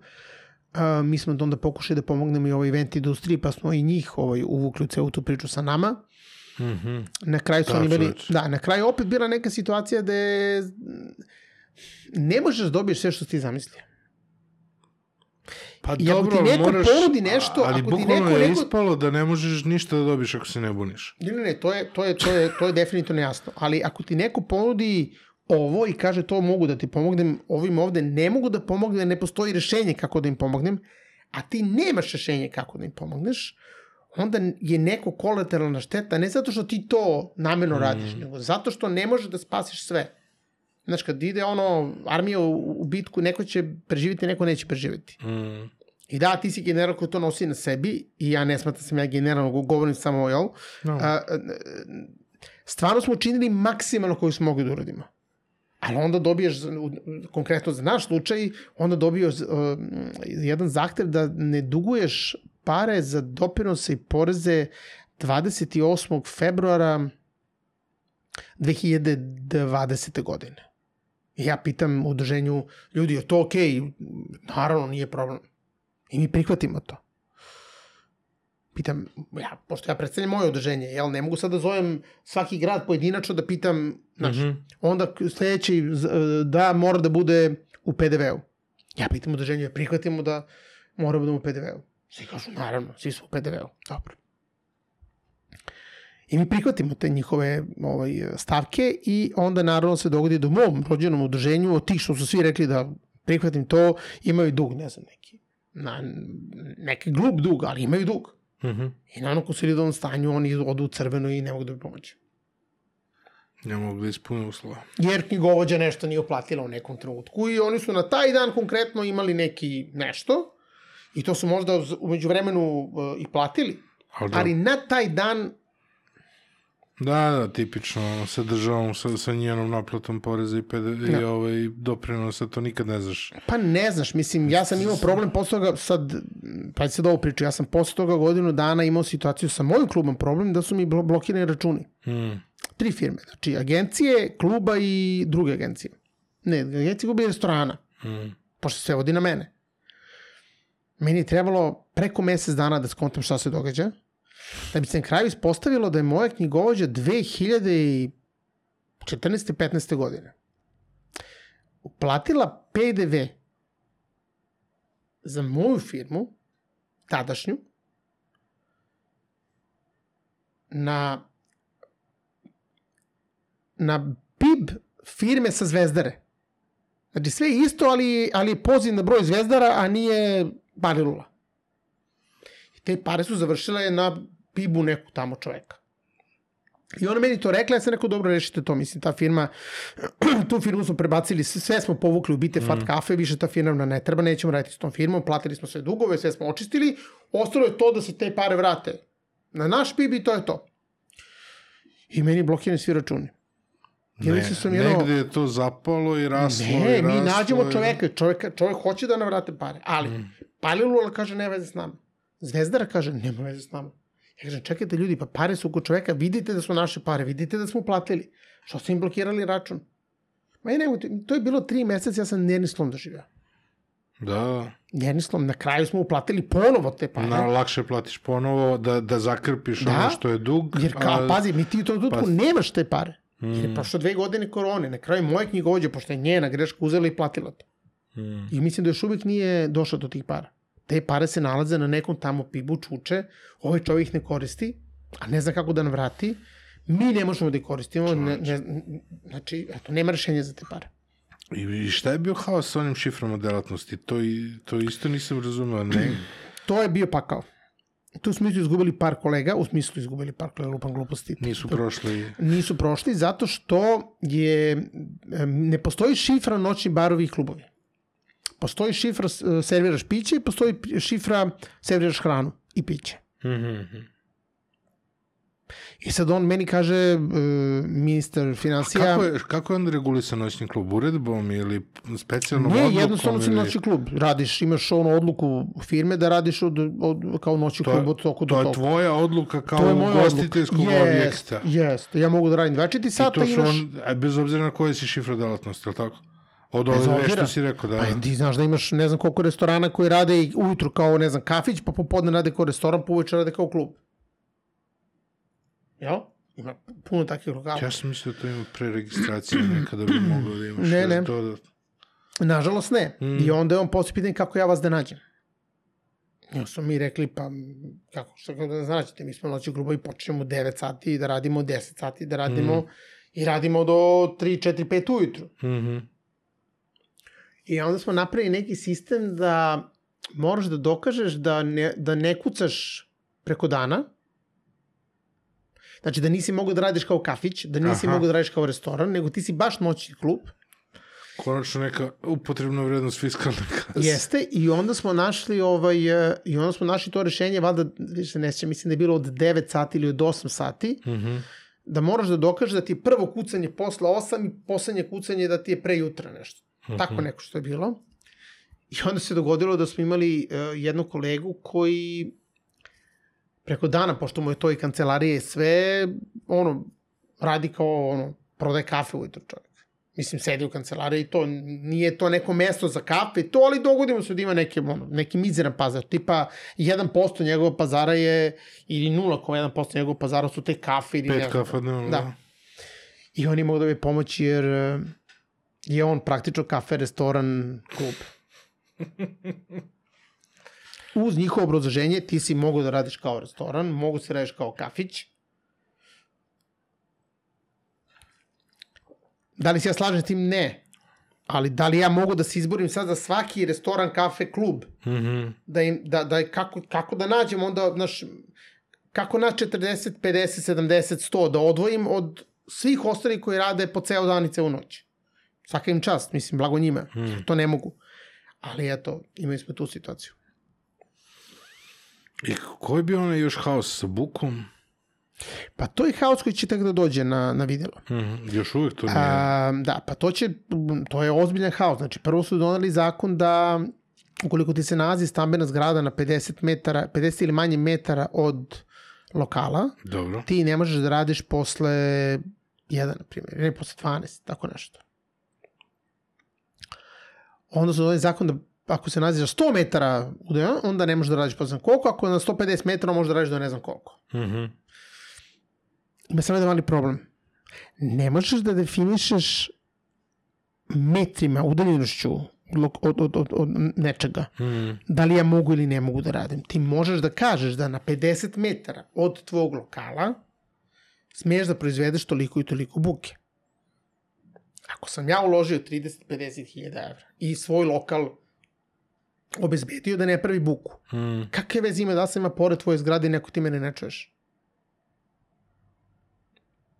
Mm, Da. Nikako. Znači, ja, moj lokal, Bite Fart Cafe, se nalazi od 2014. godine uh, u Mitropolita Petra 8, od Hale Pionir. I prva zgrada od nas je na, ne znam, 70 metara, nemam pojma koliko ima do tamo, više od 50 metara svakako. Mhm. Mi nikad nismo imali prijevu. Nikad. Ali, kad bi se bukvalno ovaj zakon sada sprovodio, potencijalno bi mogli da imamo problem da radimo posle dva ujutru, na primjer. Ili jedno ujutru. Nećem se više pravila tačno. Da. Naravno, pošto nas niko ne prijavljuje, a sad pazi, to je jedan problem. Imaš milion takvih situacija. Cijela Sava Mala je u problemu. Cijela Sava Mala je u problemu jer se nalaze na 50 metara od stambene zgrade.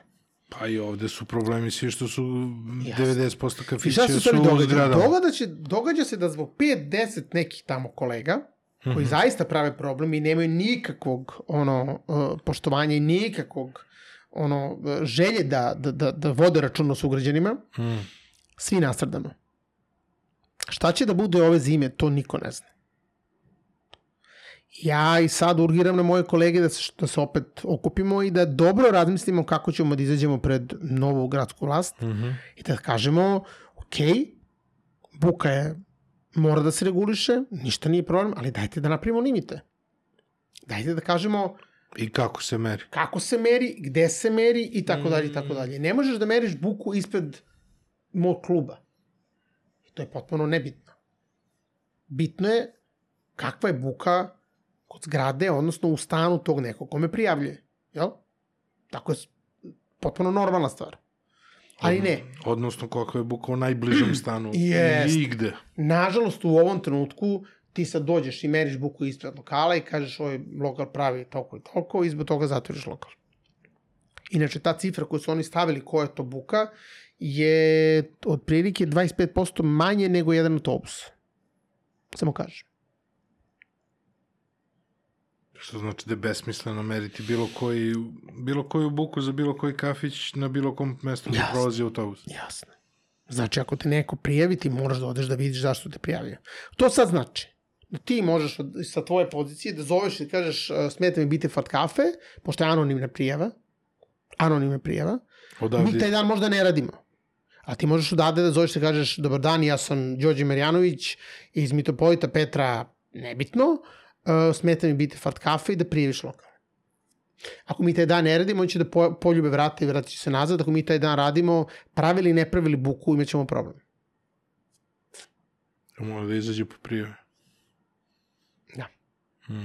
Znači, pod jedan, ono što pokušavam da uradim, a to je da uh, Privredna komora Srbije ustanovi šifru za noćne barove i klubove. Znači da se odvojimo, da znamo ko su noćni barovi klubovi, da postoje neka pravila zašto si ti noćni bare klub. Mhm.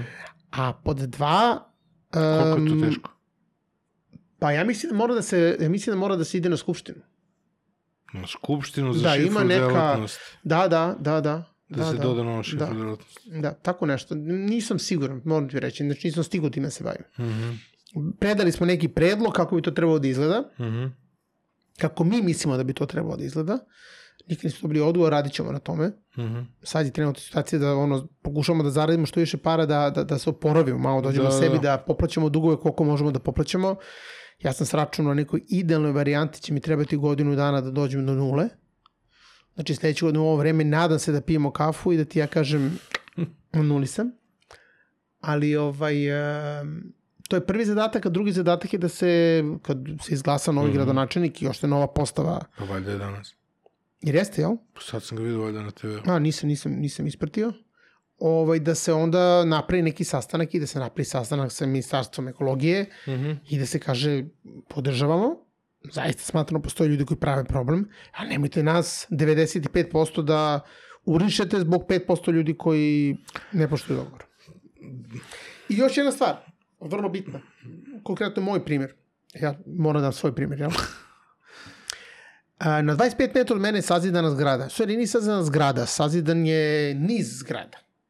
To je, Kako ne znam, na pa na primjer 380 stanova je sazidano na 25 metara od mene. Čekaj, rekao si na 75, ti je I na prvi 75 stan. metara je prva zgrada koja postoji, koja je legalizovana i koju sam ja zatekao kad sam ja došao da tu pravim klub.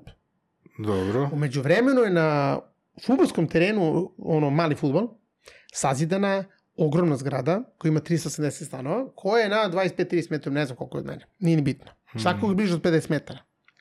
Dobro.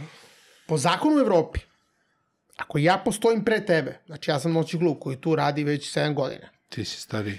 i ti dolaziš da zidaš zgradu, ti si odgovoran za izolaciju zidova, prozora i svega, jer ja moram da radim, jel? Mhm. Jer ja sam pravio prema onome koji je stariji od mene. Toga se u zakonu nema. Znači, Wow. sve što sam ja uložio u taj lokal može da padne u vodu, jer ovaj baje može da kaže, sorry, bet jebi ga, diže se od 50 metara, može zato još u ponoć. Jedan. Da. Više nisam o tome ni razmišljao. A toga tek ima sad sa novim gradnjama i sa kako silu. niču zgrade preko da, noći. Na Gde hoćeš. Na svakom I koraku. koliko hoćeš. Da. A, znači, tebi deluje da zapravo će sve da se vrati koliko toliko za godinu, dve dana u neku normalnu. Da je, Nisam to krenulo, rekao. da je krenulo pozitivo. Nisam to rekao. Pa rekao si da izlaziš na Ne, zelenu. rekao sam ako sve, ako sve bude, bude ako sve bude idealno, Idealno. Ako, bude, ako se bude idealno, ako ne bude se vratila korona, ako ne bude bilo nekih novih blokada ovoga, onoga, mm -hmm. i ako mi budemo radili uh, normalno. Da bi ih za godinu dana mogli da progledamo, u smislu mm -hmm. da platimo te doprinose, da platimo te sve dugove koje imamo, ko, koji su takvi kakvi su, i polako da počnemo da, da živimo opet normalno. Mhm, mhm. A ono što mene buni i ono što me, mi potpuno nejasno je da već dugi niz godina, a to se ne govorimo o ovoj vlasti, govorimo o vlasti pre toga, se donose negativni zakoni u ugostiteljstvu. Dogode se zakoni koji su konstantan pritisak na ugostiteljstvo, Mhm. a s druge strane sve vlasti u poslednjih 10-15 godina govore kako smo uh, mi najveća reklama Beograda, kako je Beograd novi Berlin, kako se ponose noćnim životom u Beogradu, kako se ponose ugostiteljstvom Da. u Beogradu i tako dalje i tako dalje. I onda dođeš i pregaziš to ugostiteljstvo i pregaziš te noći klubove dovedenu situaciju da ne možemo da radimo. Da, da, pa to, to je najveće pitanje. Kao, ajde, čime ste zadnji put subvencionisali Da. to isto Da, da, da. ugostiteljstvo? Da, da, da, da, da. Znaš, Zašto nije smanjen porez na, na, ne znam, na, na hranu, recimo? U vreme korone makar. Pazi, nas ste zatvorili, pa ste zatvorili. Mi ne radimo. Da isto ima i poraz 20% ili nula, isto mi je. Ja ne radim, ne mogu da radim, zabranjeno mi je. Da, da. Ali zašto restorane pa mi nisu dobili 10% umesto 20% PDV? Inako rade sa mizernim kapacitetom ono preživljavanje čisto. Kapiram. Mm, Kapiram, ali oni, oni su samo u fazonu što možemo više da naplatimo sa što manje kontrole. Ali tako su svi. Pa da. To su zaista svi. Tako je bilo poslednji, tako je ja bilo i za vreme Dinkića. Mislim. A bilo je ovo sa freelancerima, znači, ali oni, ni, oni su hteli da komuniciraju na drugačiji način. Ja rekao, vama je praktično ministarstvo financija reklo, mi pet godina nismo radili svoj posao. Znaš, kao, pet godina hoće retroaktivno da naplate, a praktično kažu, naši inspektori pet godina nisu radili svoj posao. Kako može nešto... Ja ne znam Pe- kako je po zakonu, definitivno je to tako, ali... Ali, ali znaš, kao šta a, bi se desilo da neki regularan preduzetnik ne plaća pet godina porez? Znaš, kao, davno bi mu i kuću uzeli, razumeš? da. A, ovaj, znaš, sad ti kao, ej, pet godina ćemo retroaktivno ovo da vam naplatimo, kao, znači vi praktično kažete pet godina niste radili svoj posao. Znaš, Vidi, toliko ima posla ovoj državi da se uvede red i svašta nešto, ali um, mora da se nađe način da, osim što se uvodi red, i da se pomaže malim i srednjim preduzećima. Naravno. Jer šta god mi pričali, Delte i ovi i oni tamo i vamo, mala srednja preduzeća su šansa ove države. Pa i, ti, pa i ta IT industrija. Mora da se nađe način da, da se uh, dovodi stvari u red, ali i da se, ne, znaš, ako negde stegneš, možeš i da otpustiš negde. Moraš da nam daš neku šansu da funkcionišemo.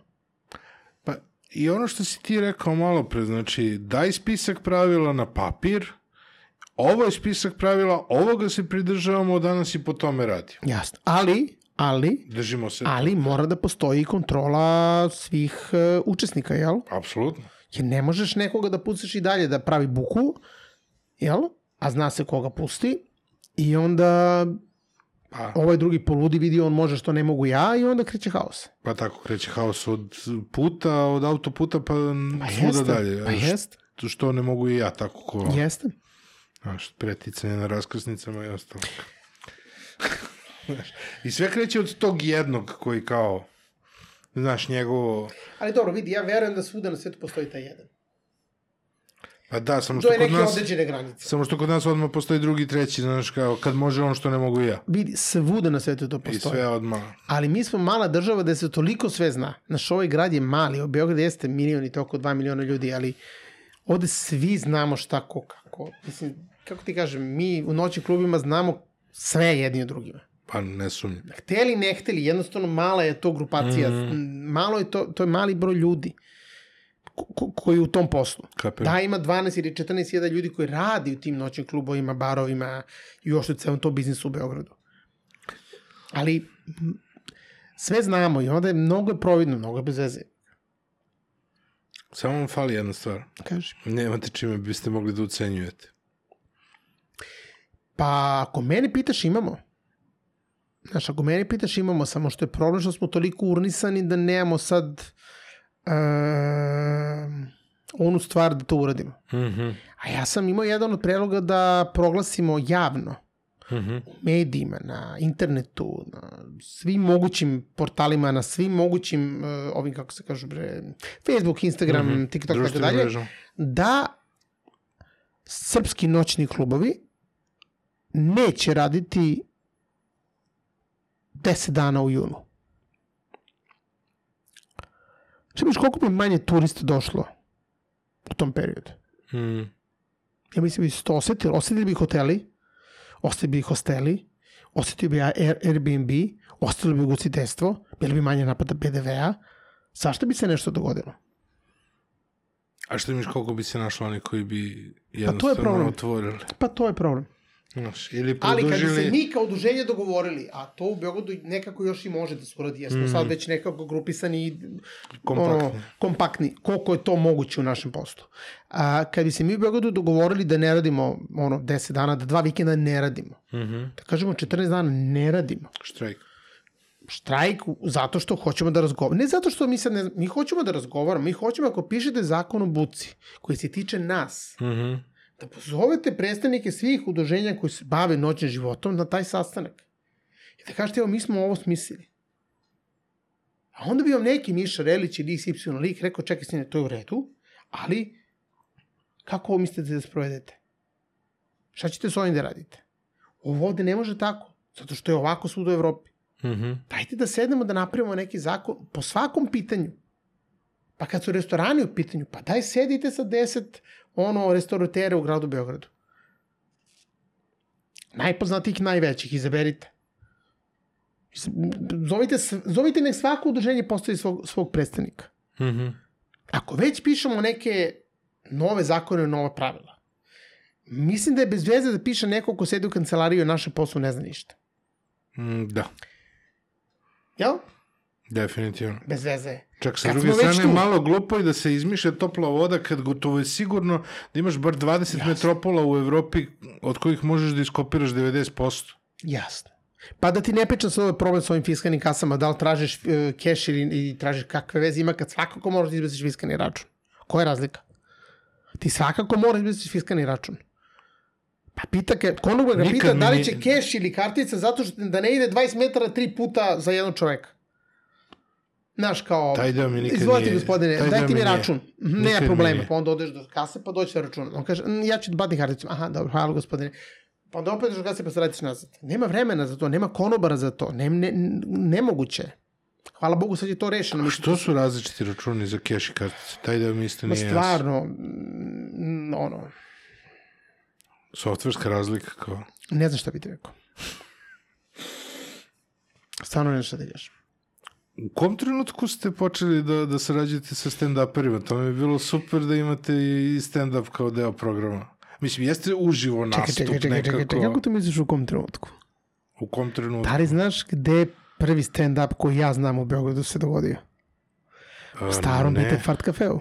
Aha, Srđan aha, Jovanović je bio jedan od ljudi, mislim da je Srđan Jovanović bio prvi kod nas. Tad je stvarno. još bio Dinčić u početku, tad je bio i onaj Neša Bridges. Aha, I pošto mi bili u Bitev teatru, u okviru Bitev teatra Da, je bio da, da. klub, a Milica koja vodi stand-up Da, da, da. RS je tada a, počinjala praktično i mi smo s njom počeli da sarađujemo. aha, aha. I onda je rekao momentu, uh, posle tipa godinu, dve dana, Milica rekla da je treba da bude klub posvećen stand-upu, a mi smo posvećeni pre svega muzici. Mhm. I onda ona prešla u Ben Akibu. Da, da, da, da, da. I onda je bio Ben Akipa stand-up klub i onda u nekom momentu pre jedno, ne znam sad već koliko meseci, 6-7 meseci, je Milica rekla da bi volila da se vrati i da počnemo da sarađujemo i da radimo neke Mm. nove izbiljnije stvari i tako dalje. Mi smo to obe ručke prihvatili, mislim da to sjajna priča. I nama je trebao neko ko će da nam bude neki, da nam pomeri situaciju, da ne bude samo živa muzika. Mm -hmm. Što imamo još neke ono, dodatne momente u, u klubu. Ali opet I- je živ nastup. Da, pa jeste, da. da Pa je da, onda interesantno, da. Jeste živ nastup i mislim da je jako interesantno jer um, u mnogim klubima u svetu, pogotovo u New Yorku, je stand-up deo oficijalnog šova uh, u klubu. Aha. Pa to znači da imaš, ne znam, voditelja kojim prvo nešto priča, pa najavi band, pa onda svira band, pa onda u pauzi band opet dođe taj voditelj i zasmeje ljude, opusti ih, bla, bla, bla, bla, bla, i onda opet dođe band i tako dalje, i tako dalje Pravi MC. pravi MC, ali ono stand-up piše, da. I ovaj, imamo, imamo jako velike planove sa, sa Milicom i to je Mhm. neka sad neka ono, opet ponovo zajednička priča. I nadam se da ćemo, da ćemo sve to uspeti da, Mhm. da ostvarimo. I sa nekim uh, povezivanjem sa Londonom i sa nekim povezivanjem sa uh, izvođačima iz Amerike i tako. Znači, imamo lepe planove sa Stand Up RS. Trenutno smo na Kališu, trenutno smo u letnjem uh, Mhm. Bitefu. I taj prelacak iz zimskog u letnje je bio priča šokantan za ljude jer nisu uopšte mogli da skapiraju gde smo mi, pošto znaš, ta stand-up publika je bila dosta vezana za Ben Akibu Aha. i onda mi je trebalo vreme da skapiraju sad uh, prvo stari bitev, pa onda novi bitev, pa sad kao kako, letnji bitev. kako taj switch za vas? Funkcioniš, vi ste se već navikli. Pa ne znam, mi smo, mi Milicu znamo jako dugo. Milica Ne, čak i- ne, ne mislim to, Aha, ne, nego? mislim switch sa zimskog na letnji. Pa to je kod nas. To je, Samo stres od sedam dana i to je aha, to. selidba. Da. I sve što se uvek zaboravi, mislim. ono. Mhm. Ne radi nešto, ono, poludiš. Ono. A stand-up se pokazao dobro. Pa stand se pokazao dobro, to je još u procesu uh, uh, navike publike da, da dolazi u- na stand-upove redovno, to je sad sve bolje i bolje. Naravno, Srđan Dinčić uh, je priča za sebe, on je čovjek Mislim, to je čovjek koji je uspao na istom stand-upu da me nasmeje u roku od, ne znam, dva meseca na istom stand-upu. Čo, ja dođem posle dva meseca i on me opet istu foru pro, pro, provuče i ja kao je, da si realno. Stvarno je sjajan. Mislim, on je meni zaista sjajan. Sjajan. I dobar je tip ovako i mm. stvarno uživanci je raditi s njim. A ima jako puno novih stand-upera koji nastupaju utorkom i sredom ovaj, u klubu i koji e, sad ko će od njih biti kao srđan ne znam, ali ima, ima dobrih, ima kvalitetnih likova. I kako je publika ono utorkom i sredom? Okej, ne znaš kako, mm je publika. Pa ne, ono kao Pa nije, uvijek nije gužva ljudi, kao... da. aha, aha. Pa ne, nije gužva utorkom i sredom kao što je kad Srđan Mm. nastupa. Naravno, nije, ima tu sad, ima Raša i Darko Crnogorac su tu negde u ekipi u sredini, negde Mhm. između ovih i ovih. A, ima jako dobri koji će uskoro početi da rade ovaj, u, Mhm. u velikom klubu. Ovaj. Mi generalno želimo da imamo što više Srđana Dinčića. Da, da, Sad da. ja kažem Srđana Dinčića, sad ću ovaj Naravno. me zeza kad budem došao u klub, ali dobro. ovaj, em, želimo da svi oni dođu u situaciju da mogu da rade veće prostore Mhm. i da budu na tom nivou. Milica jako puno radi s njima lično, kao što ja radim sa bendovima probe, tako ona radi Mhm. sa, sa stand-uperima ovaj, te workshopove i radi na tome. Naravno, to je sve jedan proces, zavisi koliko ljudi opstanu u toj priči, koliko ljudi istraju u svemu tome. Treba naučiti primiti kritiku, to su isto je neka vrsta umetnika koja isto vrlo nije baš oduševljena kad sad ti iskritikuješ, mislim, jel? Mhm. Ali to je, to je jako dobra priča. Na dugi staze jako dobra priča. To mi je baš drago, baš onako nekako pokazuje Ja uvek volim tako kada se neke stvari pokažu da su u, u korak sa svetom, znaš. Ono, I- Pa sad baš da smo u koraka, kasnimo jednom pa kasnimo, 30 godina, ali... kasnimo, ali uhvatimo korak, znaš, uhvatimo korak. Da, da. Um, uživo nastupi u noćnim klubovima, ti si pre neko vreme, veoma slično kao i sa Ensom, ti si napravio i e, muzički festival, Musicology. Da, muzički fine dining. muzički fine dining. To mi se jako sviđa. Da, E, to si me, to sad mi palo na pamet. To je super fora. Smislit ću. Razradit ću Zato što to. se, a dopada mi se to kod tebe što se prelivaju stvari iz jednog u drugo u treće, Vidi. pa se vraćaju, ali to je to, to je nekako Ja sam kako, Bitef otvorio kako ti daješ pečet, verovatno, s Pa onome verovatno. što radiš, da. Pa dobro, i ja i cela ekipa oko mene. Ja sam Bitef otvorio sa idejom, to je bila 2001. godina, da ja bukvalno nisam gde da izađem. Ja sam ozbiljan hejter narodnjaka i uopšte cele te kulture koje mene ne Šta prihvatljiva napraviš klub potpuno. za sebe? Ja sam napravio klub za mene i moje društvo. Aha. Stari Bitef je bio klub gde sam ja svako veče znao 70% ljudi. Tako smo počeli. Sećam se prve kampanje, imam taj flyer, Beograđani, Bitef je opet samo vaš. Ko je uopšte? Naranđasti flyer. Ajde, reci mi taj stari bitev, ko je taj objekat? Kako? Taj objekat starog bitefa, šta je taj objekat bio pre, pre bitefa? Pre kog Bitefa? Mog ili ovo pre toga? Tvog. Ne, pazi ovako. Znači, to je, um, kako beše, istočno-evropska neka crkva, Dobro. koja u stvari nije crkva, nego je to bio neki, vada, da logo, šta li je to bilo za vreme rata i to su zidali zarobljenici sa Dobro. nemačkim ciglama. I tu je neka cela frka čije to, jer ovi položu pravo na ciglava da Nemci, a ovi polože pravo crkva polože ne znam šta, a ovi naši, to je u našem gradu, naš objekat, mislim, jel? Mm. I tu, je ne, tu nisu različne stvari. I onda je to od 89. ili tu, ne znam kad je počeo prvi bitev, to su Grga je to držao, Grga, vada i Srđan bio u toj priči, stari beogradski klaberi, mm -hmm. ono, začetnici beogradskog klabinga, jedni od začetnika beogradskog klabinga. Uh, I oni koji su podigli stvari na, na viši nivo, tako da kažem. Um, I oni su to držali do onog momenta dok nije došao Marija Milošić i preuzeo taj lokal i napravio tadašnju Košavu. I onda Tu kad je je, pal... bila košava. Tu je bilo Košava. I onda kad je pala vlast i kad se sve to izdogađalo što se izdogađalo, 5. oktober i tako dalje, onda je uh, jedan gospodin koji je mm, pomagao Bitev teatr i koji je Bitev ta- teatr imao ne, koga sam ja shvatio priču, neki su tu dugovi bili i oni su njemu na kraju ponudili da on tu napravi uh, kafić uh, klub. Mhm. I tako su nešto tu prebili, šta li su radili, ne znam, svak slučaju on je otvorio taj klub i to je nije radilo. Mhm. I pošto ja znao e, čoveka koji je bio menadžer u tom klubu, ovaj, došao sam na jednu noć i shvatio njih šestoro sedi za stolom i da su ono, kao šta ćemo da radimo. I onda nekom trenutku sam ja tu dao neke ideje i on je rekao da li bi ti ovaj, e, kao ušao u priču, ja sam rekao, u tom trenutku sam bio, ono, vratio se sa neke turneje, imao sam super ekipu koja mi je radila turneju, tad sam se bavio muzikom aktivno, i imao sam super ekipu koja je radila tu turneju, bio sam, ono, razmišljao sam u glavi, čekaj, meni je Sanjica bitna da mi ostane uz mene i ta ekipa koja je tu u toj mm Mhm. -hmm. celoj priči i ovi moji muzičari da imaju gde da sviraju, ja nemam gde da izađem, super. Spojio si sve Spojio sam sve u jedan. I to je počelo 2001. Otvaranje je bilo 9. novembra. Na otvaranju sam svirao ja sa bendom, 9. i 10. čini mi se. Dva dana Mhm. zreno smo svirali. I to je bilo fenomenalno, to je bilo veče. Negde postoji snimak, ja ne znam gde je te snimak, hoću da se ubijem. Ja, oče. Ne mogu da nađem snimak nigde. Ali postoji snimak. I ovaj, to je tako krenulo i postoje zaista jedan onako gradski klub gde si od utorka do nedelje slušao ovako. Utorkom je bila klasika, sredom je bio uh, sredom je bilo neko priča nešto je uh, sla, ova bre, Slavica iz Bitev teatra je pravila neke programe uh, kulturni čarter. Pa smo svake srede imali neku ambasadu koja predstavlja svoju zemlju kroz ples, uh, hranu, igru mm -hmm. i, tako, i muziku i tako dalje. Lep. Četvrtkom smo imali jazz, petkom je bio funk soul disco za mene, subotom je bio funk soul disco za mene i nedeljom je bio opet jazz za mene. I, i tako, se, tako je klub krenuo da radi.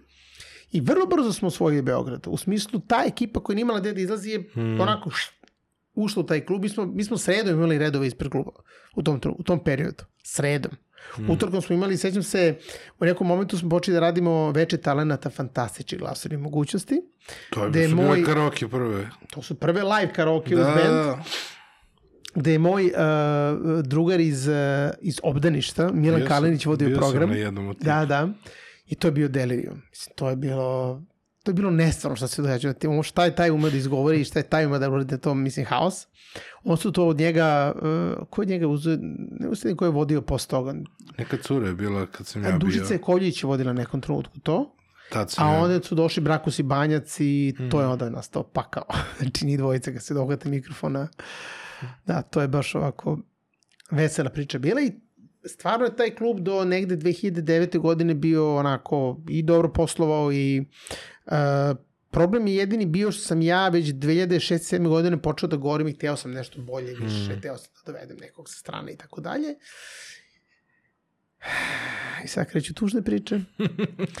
I onda sam ovaj, doneo, prvo koga sam doveo bio Manu Kače, što je sa finansijske strane gledana bio jedan od najgorih finansijskih poteza koje sam ikad napravio, pored kupovine ozučenja koje sam posle prodao upola cene.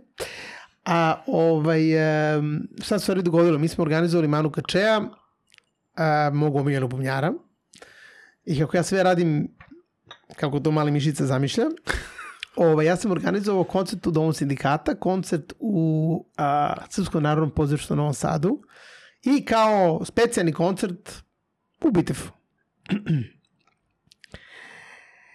Taj koncert u Domu sindikata, Džene, Džene smo još nešto i prodali, koncert u Novom Sadu je bio potpuni fijasko, a koncert u Beogradu smo u koncertu u Bitefu je bio ono neopisi fijasko. U kom smislu? Pa prodali smo, ne znam, 100 karata, ono, trebalo nam je 200 karata da se približimo nekoj nuli, mm. -hmm. jer sam ja bio spreman da puknem, ali kao da počnemo tu priču. Međutim, mi smo taj koncert u Bitefu snimili Mhm. uz dozvolu Manu Kačeja i on mi je rekao, može da snimiš, ali ja ti posle koncerta kažem koje pesme može, koje pesme ne može. Ja kažem, ok.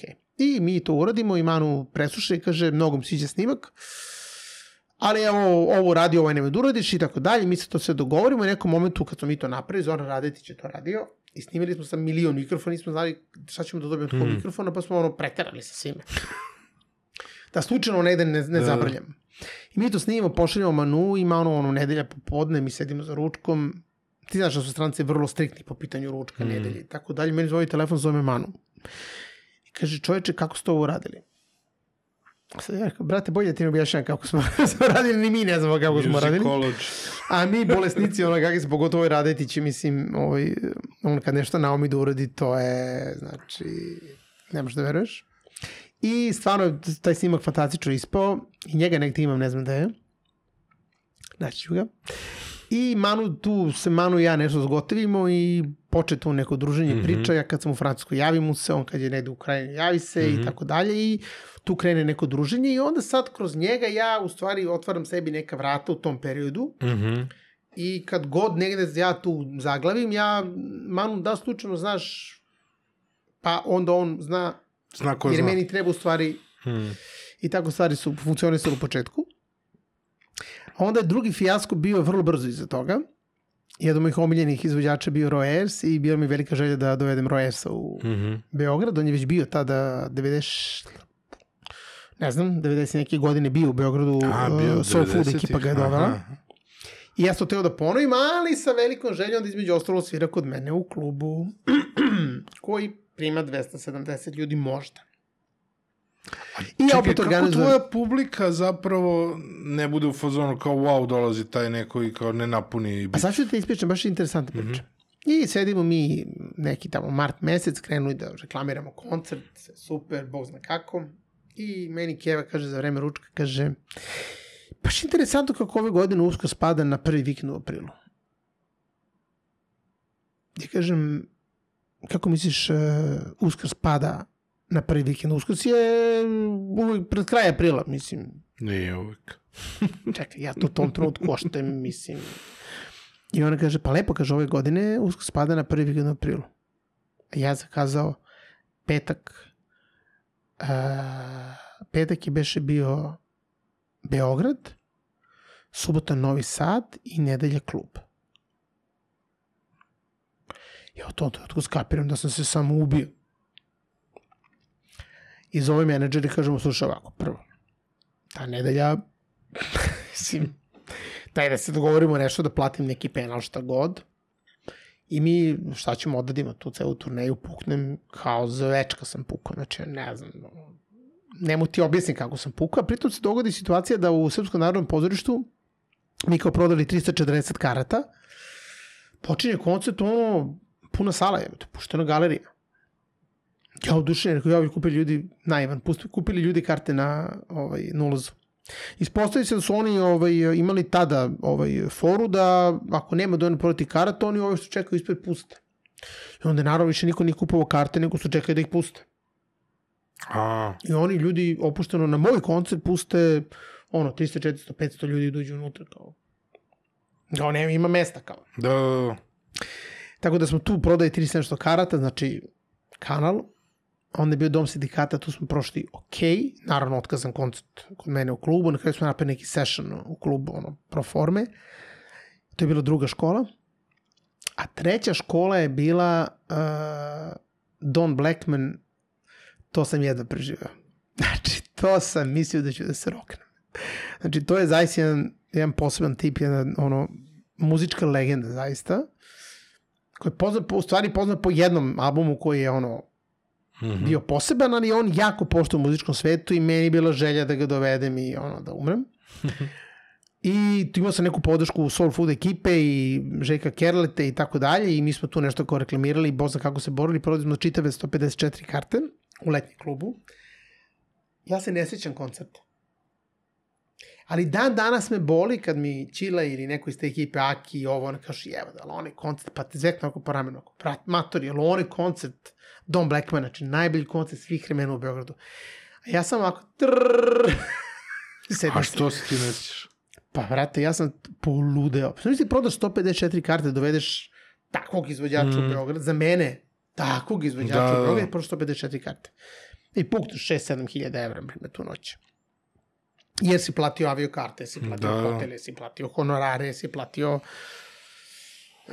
Tako da ja, sad da me pitaš šta se događa na tom koncertu, ja se sećam da je on imao neki beli peškir oko vrata, što uvek ima, pošto je bio prilično krupan ovaj, čovek i sećam se da mi je, ovaj, pošto nije mogu da stane u krevetu, smo, tad smo u hotelu Park spavali, onda nije mogu da stane u krevet, bio kratak i Mhm. uza krevet i onda sam ga ja na kraju odveo kod Keve na gajbu da spava u gostinskoj sobi, ovaj, pošto je to bio ono Dijagonalno. veliki krevet, pa Diego on spavao po, u dvosedu. Pa da, da, da.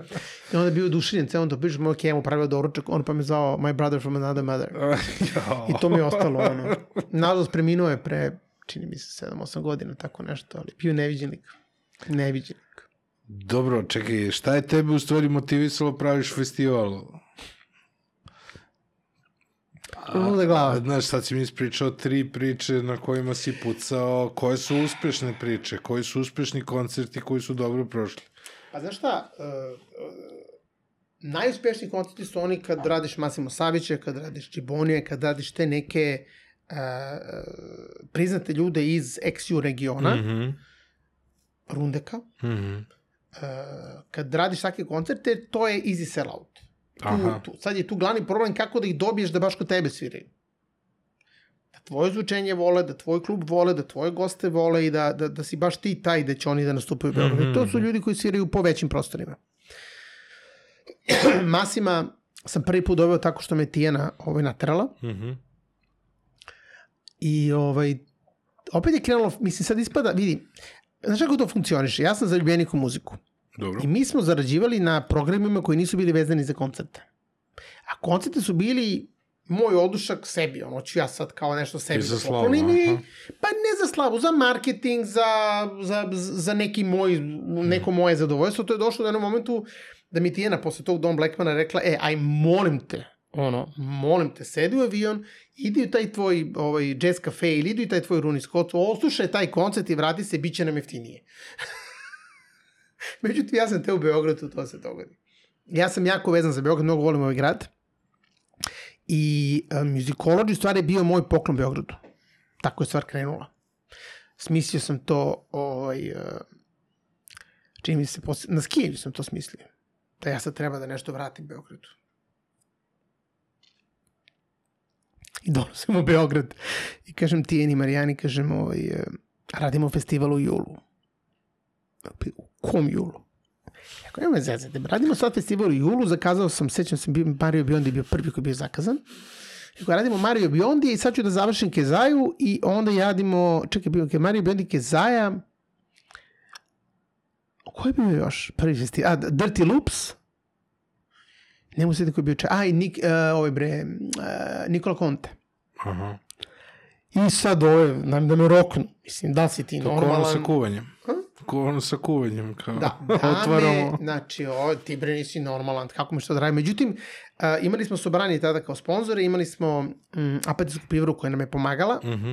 i svima je tu bila interesantna priča. Pritom to je, sad, vidi, uzeli smo uh, dve nedelje posle egzita, kao da se ljudi odmore od egzita, a Mhm. da da nema ništa to, u toj nedelji u Beogradu. Na rupu između Exita i Beer Da, međutim, z- zaboravili smo na dete da je to tako zato što ljudi odlaze iz Beograda i odlaze na more. Mm. Pogotovo ti kojima se mi obraćamo. Ali taj prvi festival nije loše prošao. Daleko od toga. Znači, prvo Mario je bio sjajan, Mhm. Kezaj Jones je bio sjajan, a Nikola Conte je pristojno prošao i onda se dogodi veliki fijaski, fijasko sa vremenom i na Dirty Loops mi potonemo. Ali ne potonemo, nego noć pred Dirty Loops Kezaja Jones svira after party do 5 ujutru, ja ga na kolinima molim da ide u hotel jer ja sutra imam koncert. On svira čovjek. Pada kiša, znači ne možeš da shvatiš koja količina vode pada Mhm. i ja se ujutru dolazim na terene i shvatim da ima ovoliko vode na terenima. I kao ja ne otkazujem koncerte i to kod mene ja kažem što to mora da se dogodi. Ja mislim da iznemim cisternu. Onda izvuče vodu. I ja je uzmem cisternu, uzmem crevo lično od cisterne i izvučem vodu cisternu sa terena. I gledam prognozu sve vreme kao oće, neće, oće, neće, oće, neće. I rekao, ma neće. Bre. I stavimo mi neke, ono, ove, kako se zovu, suncobrane za ne daj Bože, one velike suncobrane i kreće Vasil kao predgrupa.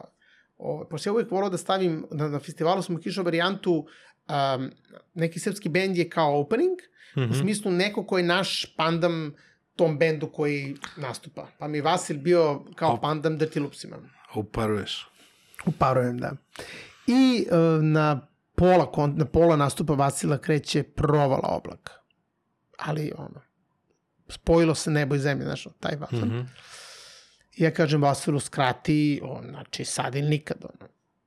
I sedimo sa Dirty Loopsima kao da li da otkažemo koncert ili da ga održimo. I oni kažu, vidi, kad smo već tu, ajde da sviramo, mislim.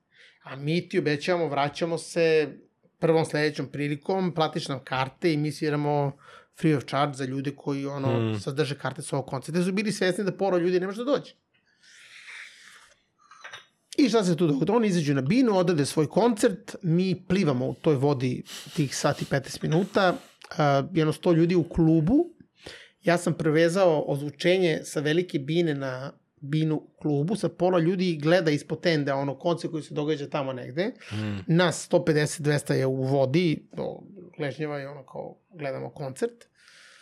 S ovog sad aspekta, s ovim sad iskustvom, koncert bi bio premešten i otkazan. Ja sam žrtvovao svoj život, ne, znam, ne razmišljajući, klinac u tom trenutku, početnik. Mm, ja sam rizikovao da svi koji su u toj vodi Bilo koji kablić da pukne. Bilo koji kablić, da ti ne pričam da su ludi uh, Miloši i Goksi držali kablove ovako da kao ne bi bili u vodi.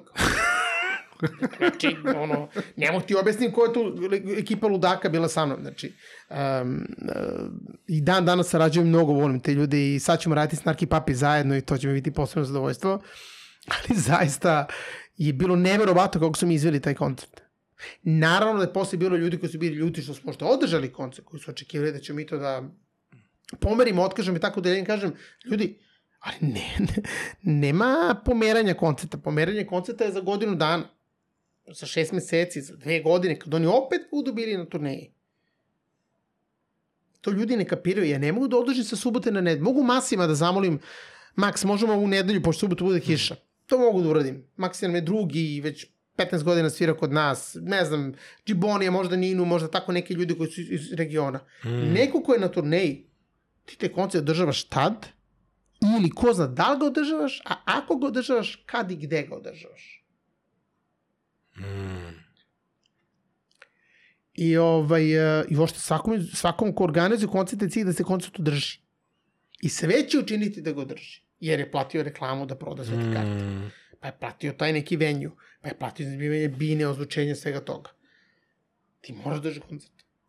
A znaš šta sam provalio? Provalio sam da ljudi e, se sećaju ludi koncerata. Vidi, ljudi taj se redko, Looks, taj ljudi se redko Looks, da. sećaju koncerata koji su prošli dobro.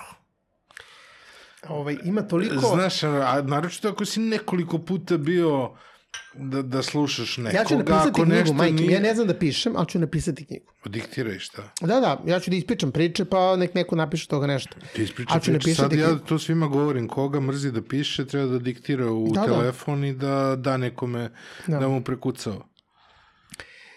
Um, treba svi da pišu knjige. Vidi, taj Dirty Loops je bio jedan od uh, najluđih koncerta koje smo organizovali. Kažem ti, hvala Bogu da niko nije ono nadrljao, hvala Bogu da je sve to, da, svi su ono, okay, i tako dalje, ali mi dan danas kad se sretnemo, kad pomislimo taj koncert, mi popadamo u nesec od smeha, šta smo radili?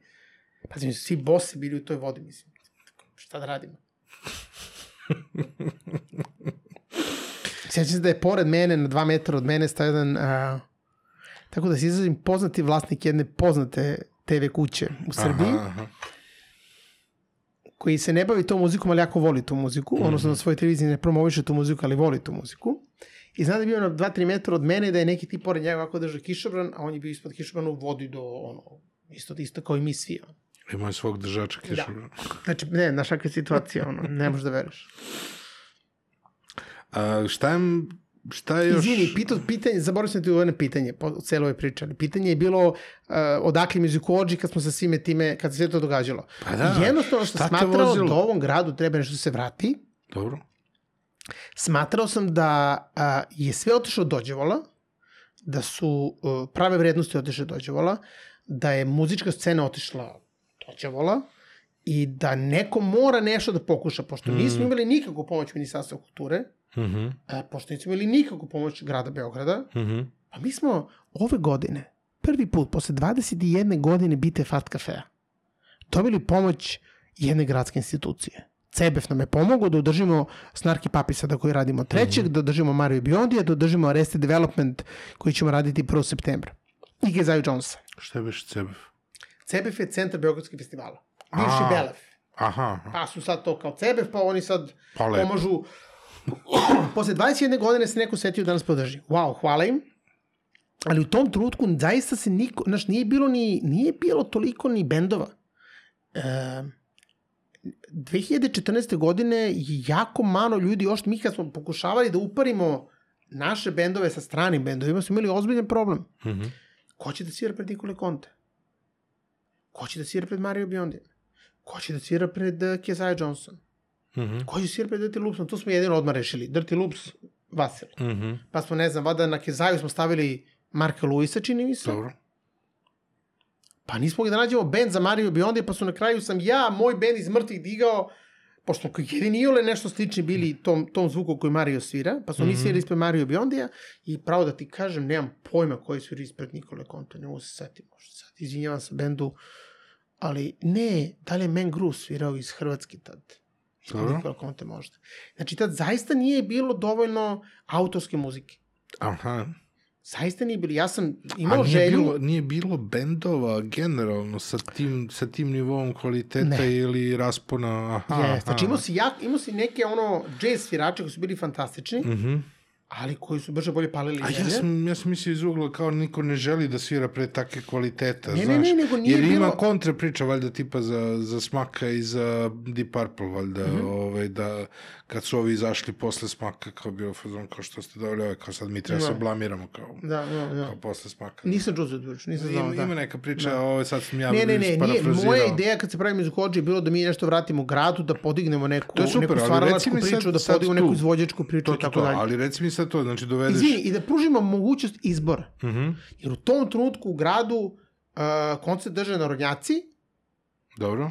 i imaš cover svirke koje su u nekom urbanom fazonu u nekim klubovima, jako malom broju Mhm. klubova, i imaš DJ-eve u određenih klubovima, tamo da je Pepe, Stajkić i to, gde su bile kao neki ovaj, dobri DJ-evi koji su puštili neku dobru muziku i tako dalje. Mhm. Nemaš neke bende, ne znam, Van Gogh je postojao, mislim, nemam pojma. Maraku je postojao, Maraku je mogla da napravi bitefa, nema onako napuni ništa više osim toga. Mhm. Znaš, tako da je zaista mi to bila ideja. A reci mi sad nešto drugo što je i meni važno i sad može da se gleda i u, i u drugim, ove, u drugim disciplinama.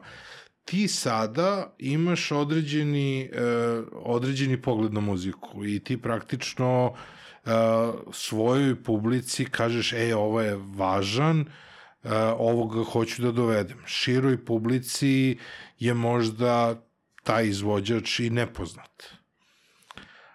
Kako ti edukuješ publiku?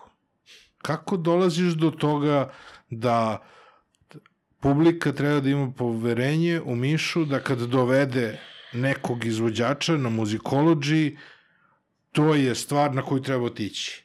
Bez obzira što nikad nisi čuo za tog izvođača. Nismo to još uvijek uspeli. E, to me interesuje, zato što si mi to malo pre si mi rekao, zato što ti kad dovedeš Žibonija, ti kad dovedeš Masima, ti napuniš sve, sve što zakažeš. Kad dovedeš Brand New Heavies, kad dovedeš Incognito, kad dovedeš sve te neke bendove koje su ljudi već čuli i To, navikli. to, to, to, to. Ali Da. da. kako da ti navikneš, jer ja verujem da bilo ko od ovih je na nekom sličnom ili istom nivou kvaliteta kao svi ovi drugi. Neki na- u da. smislu, ono, znaš, muzičkog iskustva nekog gde si otišao i nešto što si čuo. Kako, kako se uči publika da si ti taj kurator uh, sadržaja koji praktično... Pazi, nisam tu samo ja. Dobro, dobro. prva stvar, Ok, znači, kad- kad- kad govorimo- više mislim na muzikology kao da... da Musicology kao takav je... Uh, Može samo Ok, okay, mikrofon jesam- negde bliže ili, ili ga povuci sa sobom. Musicology ili- kao takav je... Um, ok, ja sam osnivač muzikologija, uz mene je Tijana sve vreme, uz mene Bilat Marijana do, mm. -hmm. do skora. Uh, I nas troje smo u nekim našim ono, pričama i nekim našim istraživanjima tržišta i komunikacijom sa ljudima koji prate muzikology dolazi do nekih izvođača. Mhm, mhm. Pa je tako, ne znam, Tijene Marijane su insistirale na Hindi Zari, za koju ja nisam čuo u tom trenutku, međutim, poslušao sam i rekao sam, ovo je super, ajde da radimo. Hindi Zara fenomenalno prošla i svaki put kad dođe prođe fenomenalno. Uh, ne znam, uh, Roberta Glaspera sam ja teo da dovedem, pa makar ne znam šta i doveo sam mm -hmm. kraj Roberta Glaspera dve noći, fenomenalno je prošlo. Corey Henry je bio bukvalno uh, poziv uh, muzikolođi javnosti da ga dovedemo i prošlo je fenomenalno. Ali Aha, smo, to je publika radili- tražila. publika je predložila. Pa onda smo imali situaciju da, smo, da sam ja želeo da dovedem, da probam da napravim, to je bilo 2017-18. godine kad smo napravili kampanju Press Play. Jer smo provalili da kad god dovedemo nekoga koji nije dovoljno poznat, a nas troje, mislim ili ja ili ti ili mene, nebitno, ali nas troje sad neko dovedemo, i a, taj neko nije dovoljno poznat, ljudi jednostavno ne dođu na koncert, čak, ni, čak ih mrzi da pritisnu play i da poslušaju šta taj neko svira. I onda sam sećam se doveo Berhofta, norveški, kako da kažem, kant autor, one man band, Mhm. koji svira Rhodes, gitaru bas, sve to snima na neke pedale i onda preko toga svira, peva i nogama pušta te trekove i to je ono nastaje kompozicija. Mm -hmm. Sve smo prodali nešto jako slabo, 200-300 karata smo prodali, imali su podršku Norveške ambasade, pa nije to tako strašno završilo. Ali a, dan danas imamo neke flopove. Flopovi se dogode. Mm -hmm. a, Snarky Papi je bio veliki rizik, Snarky Papi sam žeo, dugo sam žeo da dovedem Snarky Papi.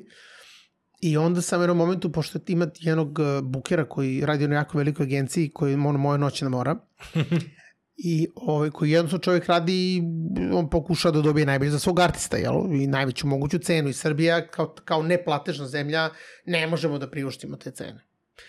I onda sam ja uh, lupao u glavu kako to da izvedem i uh, bubnjar uh, i, i, i naš dragi prijatelj Mladen Dragović mi kaže Mike League mnogo voli svoj band Bokante. Ja kažem, dobro. Što ne zoveš Bokante, pa ćemo onda mi da ga, pa ćemo da probamo onda snarki preko njega. Sviđa mi se ideja. Dvokorak. I ja dovedem Bokante i zovem 10-15 najuticanijih jazz mm -hmm. muzičara u, u zemlji i kažem, ja ovo ne mogu sam. Znači, ako hoćemo snarki u Beogradu, mm -hmm. sad svi pravimo famu oko Bokantea. Jer Michael League svira u Bokanteu, Mm -hmm. I mi sad govorimo Michael League, Snarky Papi, band Bokante i sad nas desetoro promovišemo band Bokante koji je fantastičan band za koji niko ni čuo. Mm -hmm. I mi odadimo taj Bokante. Naravno, sve je laš kada imaš sponzora. To je ono, znaš, to je velika stvar kada imaš sponzora koji ti da odrešene ruke da zbog više cilja srljaš u tako nešto. Ja, mm. ja sad u ovom trenutku u, u, u kojoj se mi sad kao klub i kao festival nalazimo, mi nemamo trenutno sponzore, imamo Apatinsku piveru koja je tu za nas, ali ona je tu za sve programe Bite Fart Cafe, mm. ali generalno nemamo sponzora kao što su nekad imali Bar Cafe, koji su iza nas stajali i ono, znaš, ja dođem i kažem, znači radimo band Bokante, jedan sastavkom svi gledaju ovako. Nema pojma, naravno, ko je Bokante. Ni ja nisam znao do pre tri meseca. Ali im ja objasnim da to onda nama otvara vrata za najveći događaj u regionu i tako, Dobre, da, tako dalje. poverenje u tebe. Imali su poverenja i zaista im hvala na tome. I onda smo mi zaista napravili ozbiljnu kampanju oko tog Bokante, oni su došli, mi smo ih naravno vodili u Enso na klopu, hostovali maksimalno, mm. sprijateljili se. I onda sam im odvojio Mike Liga sa strane i rekao sam u slučaju bez čoveča. Četiri godine Jurin Snarki Papi da dovedemo, ovaj tvoj me urniše. Daj bre, molim te, kažemo da mi se skine više s vrata, ja mogu da platim toliko i toliko, ne mogu da platim punu cenu. Karta u Srbiji toliko, imam pogležam, ja imam spreman Excel za te. Mm -hmm. No i kada je ovo, gledaj, ovo je karta, ovoliko ljudi, I on čovek stvarno kaže, važi to govoreno, piši ti koliko ti možeš, što će ja da rešim. I on stvarno piše svom glavnom menadžeru koji kaže svom bukeru, kad dobiješ ponudu od Srbije, prihvati. I ja uspijem da ih bukiram za Sloveniju i, i ovaj, Beograd, i radili smo u Sloveniji i Beogradu taj mm -hmm. koncert. I to je jedan od uspešnijih događaja koje smo napravili. To je zaista bio spektakl. Ali sviđa mi se ovaj dvokorak. Da, pa stalno to radimo. Vidi, e, milio, tog, tog istog bukera iz te iste agencije sam jedno tri puta tako morao iz dvokoraka da zaobilazim, tako što okrenem manuva ili tako neko okrenem, mm -hmm. pa taj neko završi to nešto. Mm -hmm. Jer jednostavno on čovek ima svoj posao i on ga radi jako dobro i zato je tu gde je. Da, on je gatekeeper. Da, i njega zaista ne interesuje što mi ne možemo platimo kartu 50 evra, jer to nije njegov problem. Njegov problem je da nađe dovoljno mesta gde on može da naplati svoju kartu mm. i gde taj snarki papir koji košta toliko i toliko koliko košta može da to zaradi. Mm. Druga je stvar što Michael League ima želju da svira uh, po različitim državama, da upoznaje različite kulture, da on je zaista jedan neverovatan lik. Mm -hmm. Čovek koji je jedan od ljudi koji me zvao za vreme korona pita kako sam. Onako, auto. Znači, zvao mu sred dana čovjek i pitao, ej, kako ste, kako je Tijena, kako se držite, pratite po medijima, vidimo ovo da, pošto mi kačili mm -hmm. uh, moje ispade u medijima, mislim ispade, moje nastupe u medijima, apropo cele krize mm -hmm. i tako dalje. I zaista me oduševio, da, zavod pita kako se. Baš Stvarno je jedan specifičan, ono, jedan, ono, nevjerovatan lik, stvarno je fantastičan lik. I ovaj, taj koncert je zaista bio nevjerovatan, iako smo opet imali situaciju da je a, u Ljubljani pala stravična kiša, kad je bio koncert. A tamo, tamo je bilo koliko toliko nadkriveno, pa smo to progurali. Mm -hmm. Sve karte su bile prodate. I onda smo trebali da radimo Beograd i ja javljam, selimo se u halu sportova. I sad mi sve sa Kališa u halu sportova. Znači ne da je pala kiša, nego smo morali da ulazimo na zadnja vrata hale sportova jer su prednja vrata bila pod vodom.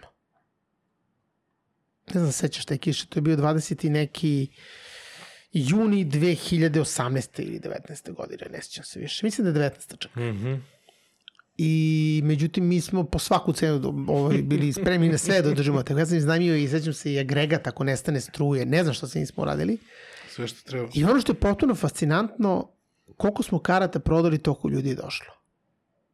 Što meni bilo ono kao, da li je moguće da po ovakvoj kiši ne radi saobraćaj, ne radi svetla ulična, znači ne, potpuno Armagedon u Beogradu, svi su došli.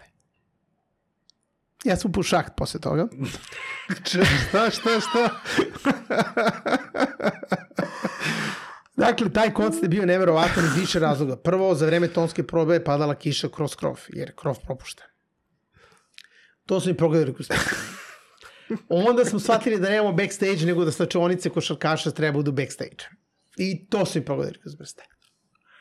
Onda sam jednom tutku morao da im kažem da publika mora da ulazi praktično iza bine, pa da prođu pored bine. To je jedini put kojim publika može da uđe u, u halu uopšte. Jer prednja vrata su potopljena. Tu je Rozanović htjela da me rokne, ali to je njihova ovaj, tour menadžerka, ali i to smo nekako progurali, jer je Michael bio vrlo supportive, što bi rekli. I onda je krenuo koncert i vidi, hala sportova nije hala za koncerte. Ali maksimum koliko smo mogli da izvučemo, mi smo izvukli. Da li je bilo 10% ljudi koji su bili nezadovoljni ili ne znam koji procenat, mm. pretpostavljam da jesu. Ali bio je neverovatan koncert, jedan događaj ono koji nikad Beograd neće zaboraviti. Srbija, bili, bili ljudi iz Turske, bili ljudi iz Makedonije, bili ljudi iz Sarajeva, bili ljudi iz Zagreba, ja ne znam dakle ljudi nisu došli. Ali su došli taj dan po svaku cenu. I završava se koncert, oni sviraju jedan bis, što je očekivano, sviraju drugi bis, što onako, može i ne mora. I silaze zbine s hala Delirium u hali.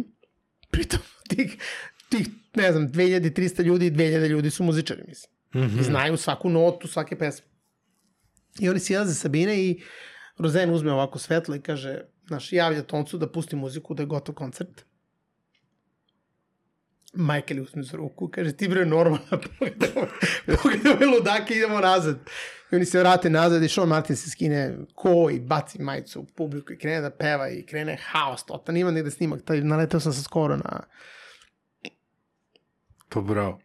Ludilo. I to se završi. Sve super. I mi u ekstazi, svi, oni odušljeni, mi odušljeni. Sve fenomenalno. Izlazimo napolje na zadnje vrata i mrak je, ne radi ulična rasveta. I ide moj tadašnja koleginica Lenka, idem ja i ide Michael League. I mene nema u slici. Mislim, nesto sam.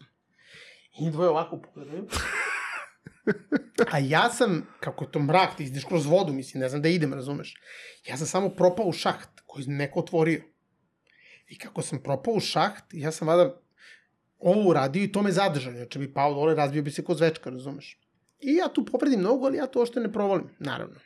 I odemo u Enso i after party, i druženje i delirium. A, I dolazi Tijena i kaže, kad Tijenu, šta radiš ti to? Ja kažem, što? Pa kaže, pa pogledaj dole. A meni, ono, lokva krvi oko mene. Ja sam ozbiljno isekao nogu, što ja nisam osetio tog silnog adrenalina. Da, da, da, da. Što sam ja mokar, pa sam mokar, upao sam u vodu, mislim, upao sam u I šahtar. ništa ne osjećaš. Ne osjećam uopšte. I ništa, odbilo me u urgentni centar na ušivanje. I tu ima anegdota, pošto sam to... Ona sedi ispred da ja budala snimam live. Mislim da ako taj, to veče nije ubila nikad neću. Pa dobro, važno da si, pre- važno da snaki prežive. dolaze opet, ja stvarno molim ono, sve bogove ono, da, da bude lepo vreme ovaj put i da to bude na Kališu i da stvarno svi uživamo to veče. Biće To, to je ovo veče. drugo, je li tako? Kako?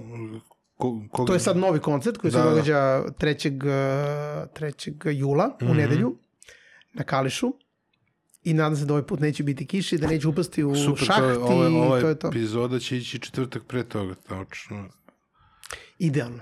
Hm? Idealno. Ko, ko, ko dočeka ovaj moment, idealno. Da, da, da. A dobro, možemo i da isečemo ovo, da. tako da, ovaj, a, šta je još u planu za muzikology generalno? Pa sad smo u nekom onako uh, specifičnoj situaciji. Meni je uh, to fascinantno da si ra- razbio festival na, na, na, ono, na vikende, tokom cele godine. Pa nije to namerno. Pa, Mislim, u stvari ne znam kako da ti to objasnim. Mi smo... nije onako kao festival, pa sad je sve nabijano Da. na mesto. Doduše, ovaj puta ti se po, ovaj, poklopilo sa Arsenal Festom u Kragujevcu. Pa pomerio je Vule, ja to nisam znao da je pomerio. Da. A, vidi, a, mi smo 2014. vada radili prvi, Mm -hmm. 2015. smo radili drugi. 2015. smo, smo imali jači line-up, perfektno vreme, sve je bilo fenomenalno, poseta nam nije bila kako smo mi očekivali. Mm. Znači, bila je mm, ista ili veća poseta nego 2014. a smo imali skuplji line-up i mnogo veći setup i sve. I onda smo nekako tu razmišljali šta sad da radimo. Mm -hmm. Shvatili smo da naša publika a, prvo to su ljudi koji između ostalog i rade ili su to neka deca koji ne mogu da plate četiri dana za redom festival, Mm -hmm. da je to a, specifična publika, da je to publika koja ne može četiri dana da odvoji i da četiri dana sedi i sluša muziku na istom mestu u, istom, u istoj nedelji.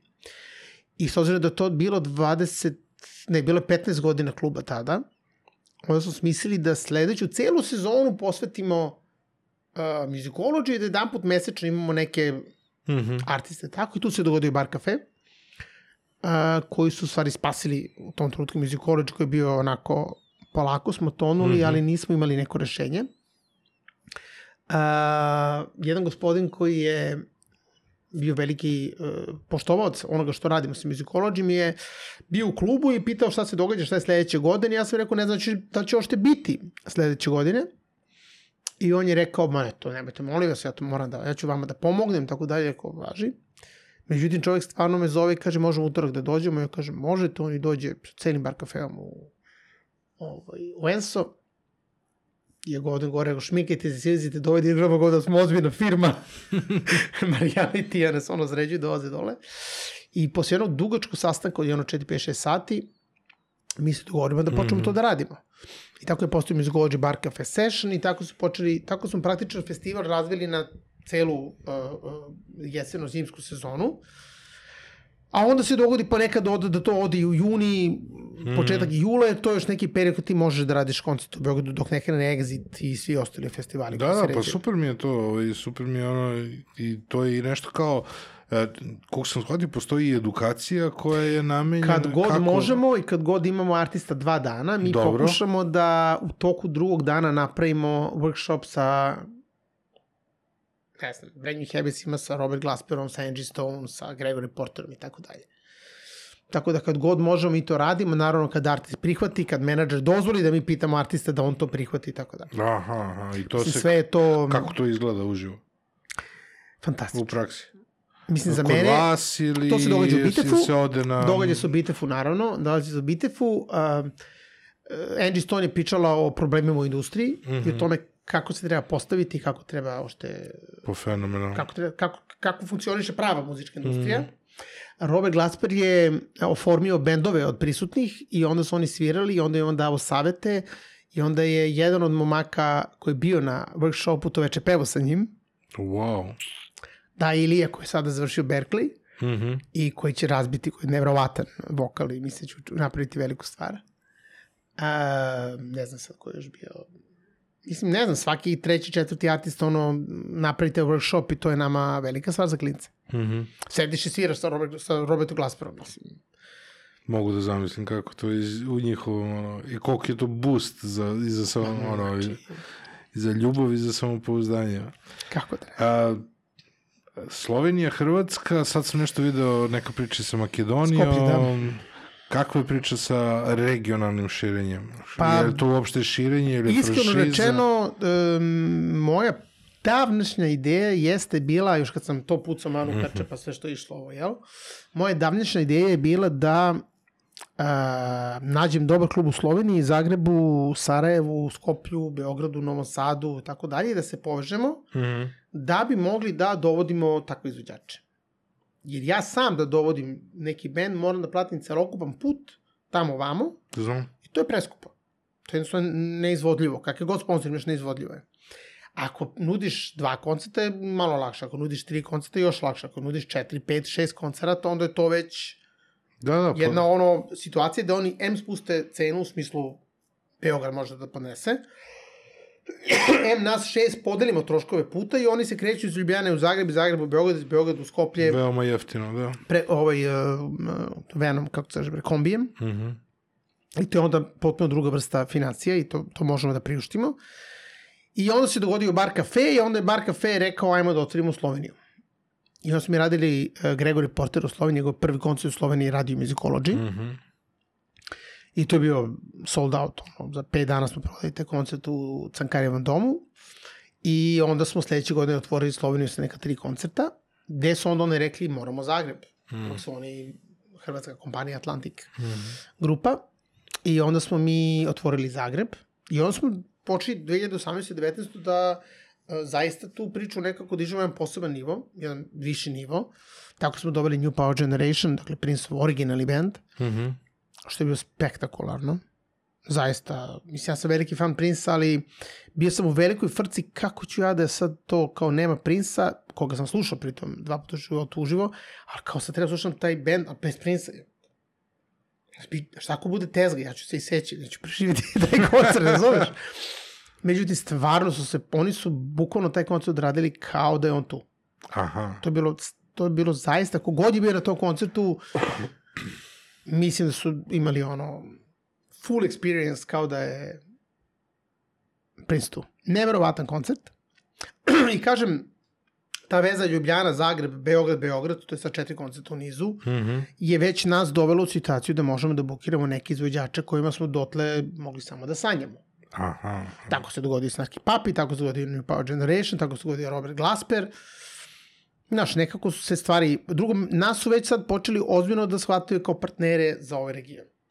Aha. I sada više nema 104 e-maila da bukiram uh, Gregory Portera, sad to završavam sa 2-3 maila mm -hmm. i eventualno nekim Excelom da objasnim da je situacija ništa bolja nego što je bila.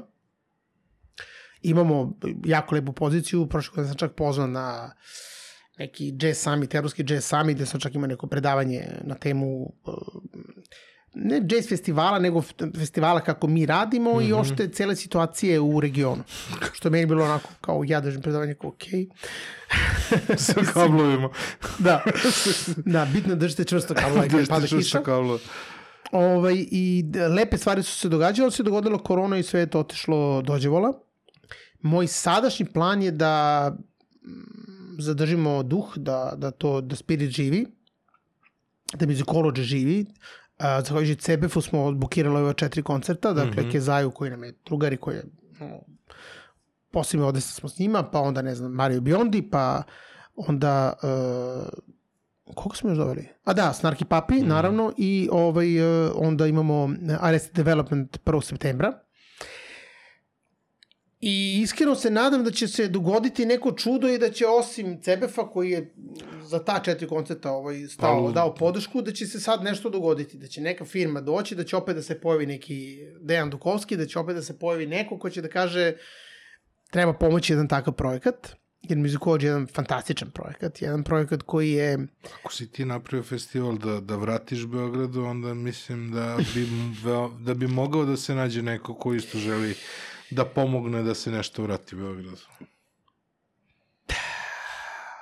Nadam se. Nadam se. Ima, znaš šta je sad tu, ima sad tu i taj problem da ljudi nisu igli šta će se dogodi na jesen. Uh, Dobro, kasno... Sada 2018. Ka... godina. Dobro. Ja bi sad znao šta se događa do 1. januara. A dobro. Sigurno. A ja sad znam šta se događa do 20. oktobra. Kapiram. I sad treba da bukiram novembar, decembar, Mm -hmm. treba da razmišljam u martu, aprilu, maju. Ja ne znam da će se vrati neka korona, neki, neki oblik, neki, kako bi sad, majmuske, Majmuski. šta su majmuske, ove, Boginje. ne znam, boginje i tako dalje. Niko to ne zna, a više nemaš backup sponzora. Nemaš sad nekoga ko će da ti, pazi, uh, uh, koncer, mi smo otkazali 11 koncerata 2020. godine. 11. 11. 11. Jeb. 11 koncerata je oko 100 i nešto hiljada evra. Imali smo tu sreću, smo radili sa agencijama s kojima često radimo mm -hmm. i da su nam zaista 90% tih para mm -hmm. vraćeno, pa smo mi vratili gde smo trebali, sve je to nekako ishendlovano. Mm -hmm. ja? Međutim, uh, sad post-covid pravila su takva da sad ja tebi uplatim 50% tvog nastupa, 30, 60, 72, kako se dogovorimo. I ti te, ukoliko se dogodi COVID neki problem, ti možeš da kažeš ja ću održati koncert kad bude bilo moguće. Što znači da to što sam ja uplatio taj neki novac stoji kod njega tamo, a da isto tako mi imamo problem u rupu u budžetu i ne možemo da prodajemo karte da bi vratili taj novac koji smo uplatili. Mhm. Što je jako opasno za jednu firmu koja je već dobre batine dobila u, u, ovaj, e, u COVID-u. Tako da je sada jako nezgodan e, trenutak za nas i mislim da je pomoć CBF-a bila ključna da uopšte se iščupamo iz cele ove priče. Naravno, Apatinska pivara koja nas ni za vreme To, to, to, ovaj, treba ti sponsor kojima ćeš da. bukvalno, kojima ćeš bukvalno napraviš sebi neku vrstu ono pojasa za spasavanje, ono kao Da, za svaki da, slučaj. Jer da, oni da. će dobiti taj koncert, Da, da, to da, nije da. spor. Da, da. da će ga dobiti u oktobru i ne daj Bože da se opet dogodi nešto pa da ga dobiju u martu ili junu, oni će ga dobiti, taj koncert će održati. Ali ja kao mala firma ne mogu da izdržim takav udarac i takav ulog. Znam. To je, to je ovaj, Ne znam kako je u muzičkoj industriji, ali ja sam imao konferenciju i isto ta priča, znaš, prosto ne želim da uopšte, ne mogu ni da jurim sponzore, ni, ni bilo šta, jer ne, ne znam ni da li će se događaj održati. Da, da. Znaš, baš Ne, je- ovo će se održati, naravno, ukoliko si, ukoliko si budemo, jel? Mm. Ili će odmah vratiti pare, pa će reći ne možemo da garantujemo, ili će reći doći ćemo kad budemo mogli da dođemo. To su dve opcije. Ali te COVID klauzule su prilično nezgodne i moraju da čitaju ono 4-5 puta pre nego što ovaj, e, Da, se potpišu. pa sigurno. E, to je sad sigurno već dosta, ono- dosta toga se... Ozbiljan pasus uh, uglavnom britanskog, engleskog. Dobro mora da skapiraš šta su napisali. Nezgodno. Ali kažem ti, uh, za sada smo tu, do 20. oktobra, mm. znam šta će da se dogodi. Mhm. Uh, Moonchild nam dolazi 6. oktobra. Mhm. A 26. 27. pošto je to neka vrsta restarta muzikologije pravog, ovo je bio kao letni muzikologija koji smo sad radili, a 26. 27. bi trebalo da krene prva regularna sezona još od 2019. kad smo radili, jel? Mhm. I onda, pošto smo stali sa Kovač, želeli smo i da počnemo za Kovač, tako će se Kovač vratiti uh, u region. Radimo Ljubljanu, Zagreb, dva Beograda i Skoplje. Mhm. I stavio sam taj datum jer još uvek će biti moguće raditi i napolje i unutra in case Mhm. da se nešto komplikuje. Mada nam ideja je da radimo u zatvorenim prostorima taj, ovaj, tu turneju celu. Mhm. I onda treba da se ide dalje. I sad tu ima fantastičnih ponuda, fantastičnih imena. I cijela ta, i cijela ta cena jedva čeka da se vrati taj živi Kako da ne? taj, taj živi program i oni su Kako da i ne? oni su bili u problemu dve godine. Kako da ne? Znaš, treba da i njima pomoći. Sigurno. Ali kako bi doveo novu publiku? Kako, Novu publiku u kom smislu?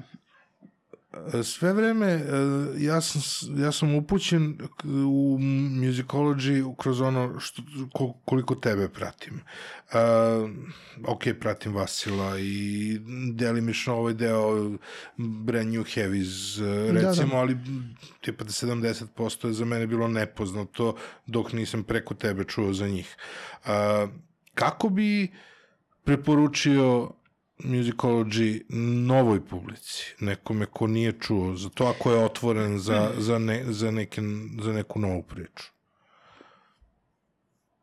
Musicology je serijal koncerata dobre muzike.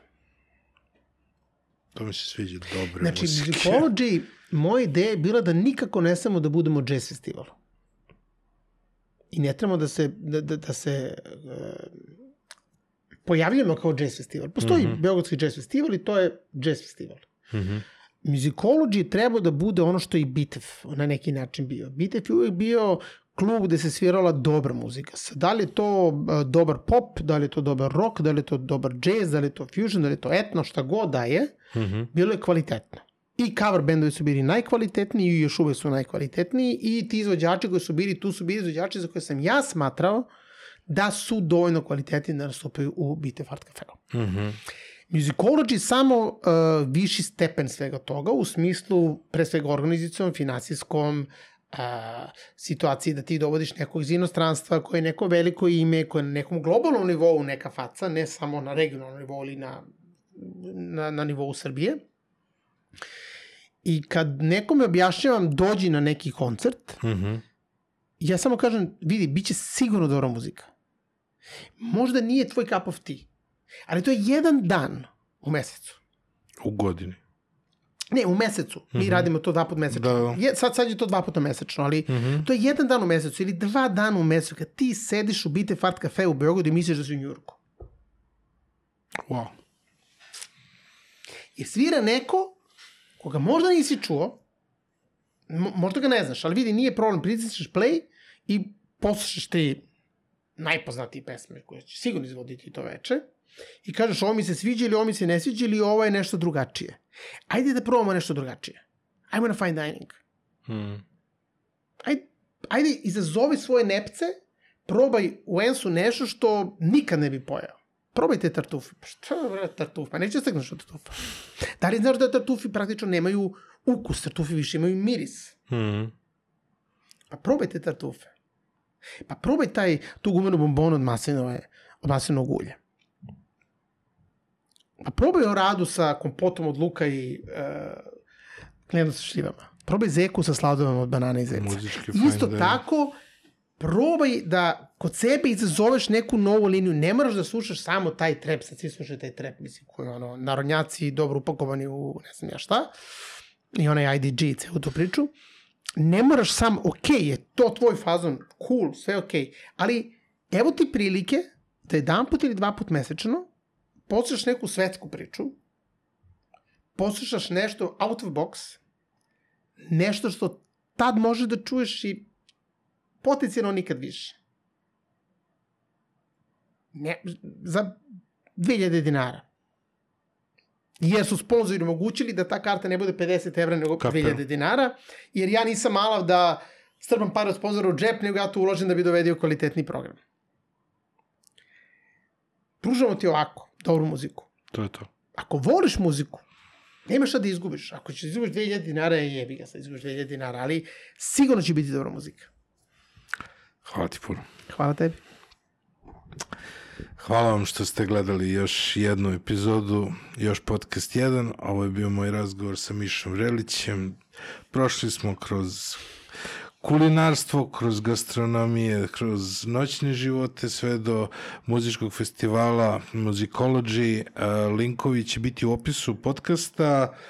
Imate još par dana do velikog nastupa u subotu, tako da nadam se da ćete pogledati ovaj podcast ili poslušati u ova prva dva dana. Hvala vam što ste nas gledali, što ste nas slušali. Ostavite nam neki share, like, subscribe. Preporučite nas prijateljima. To je to. Hvala našim sponzorima, Beans Coffee, uz koju sam razgovarao sa svojim gostom. Hvala MVP Workshopu. Uh, Linkovi do njih su u opisu podcasta. Mi se slušamo i vidimo sledećeg četvrtka. Ćao, čao, bye, bye.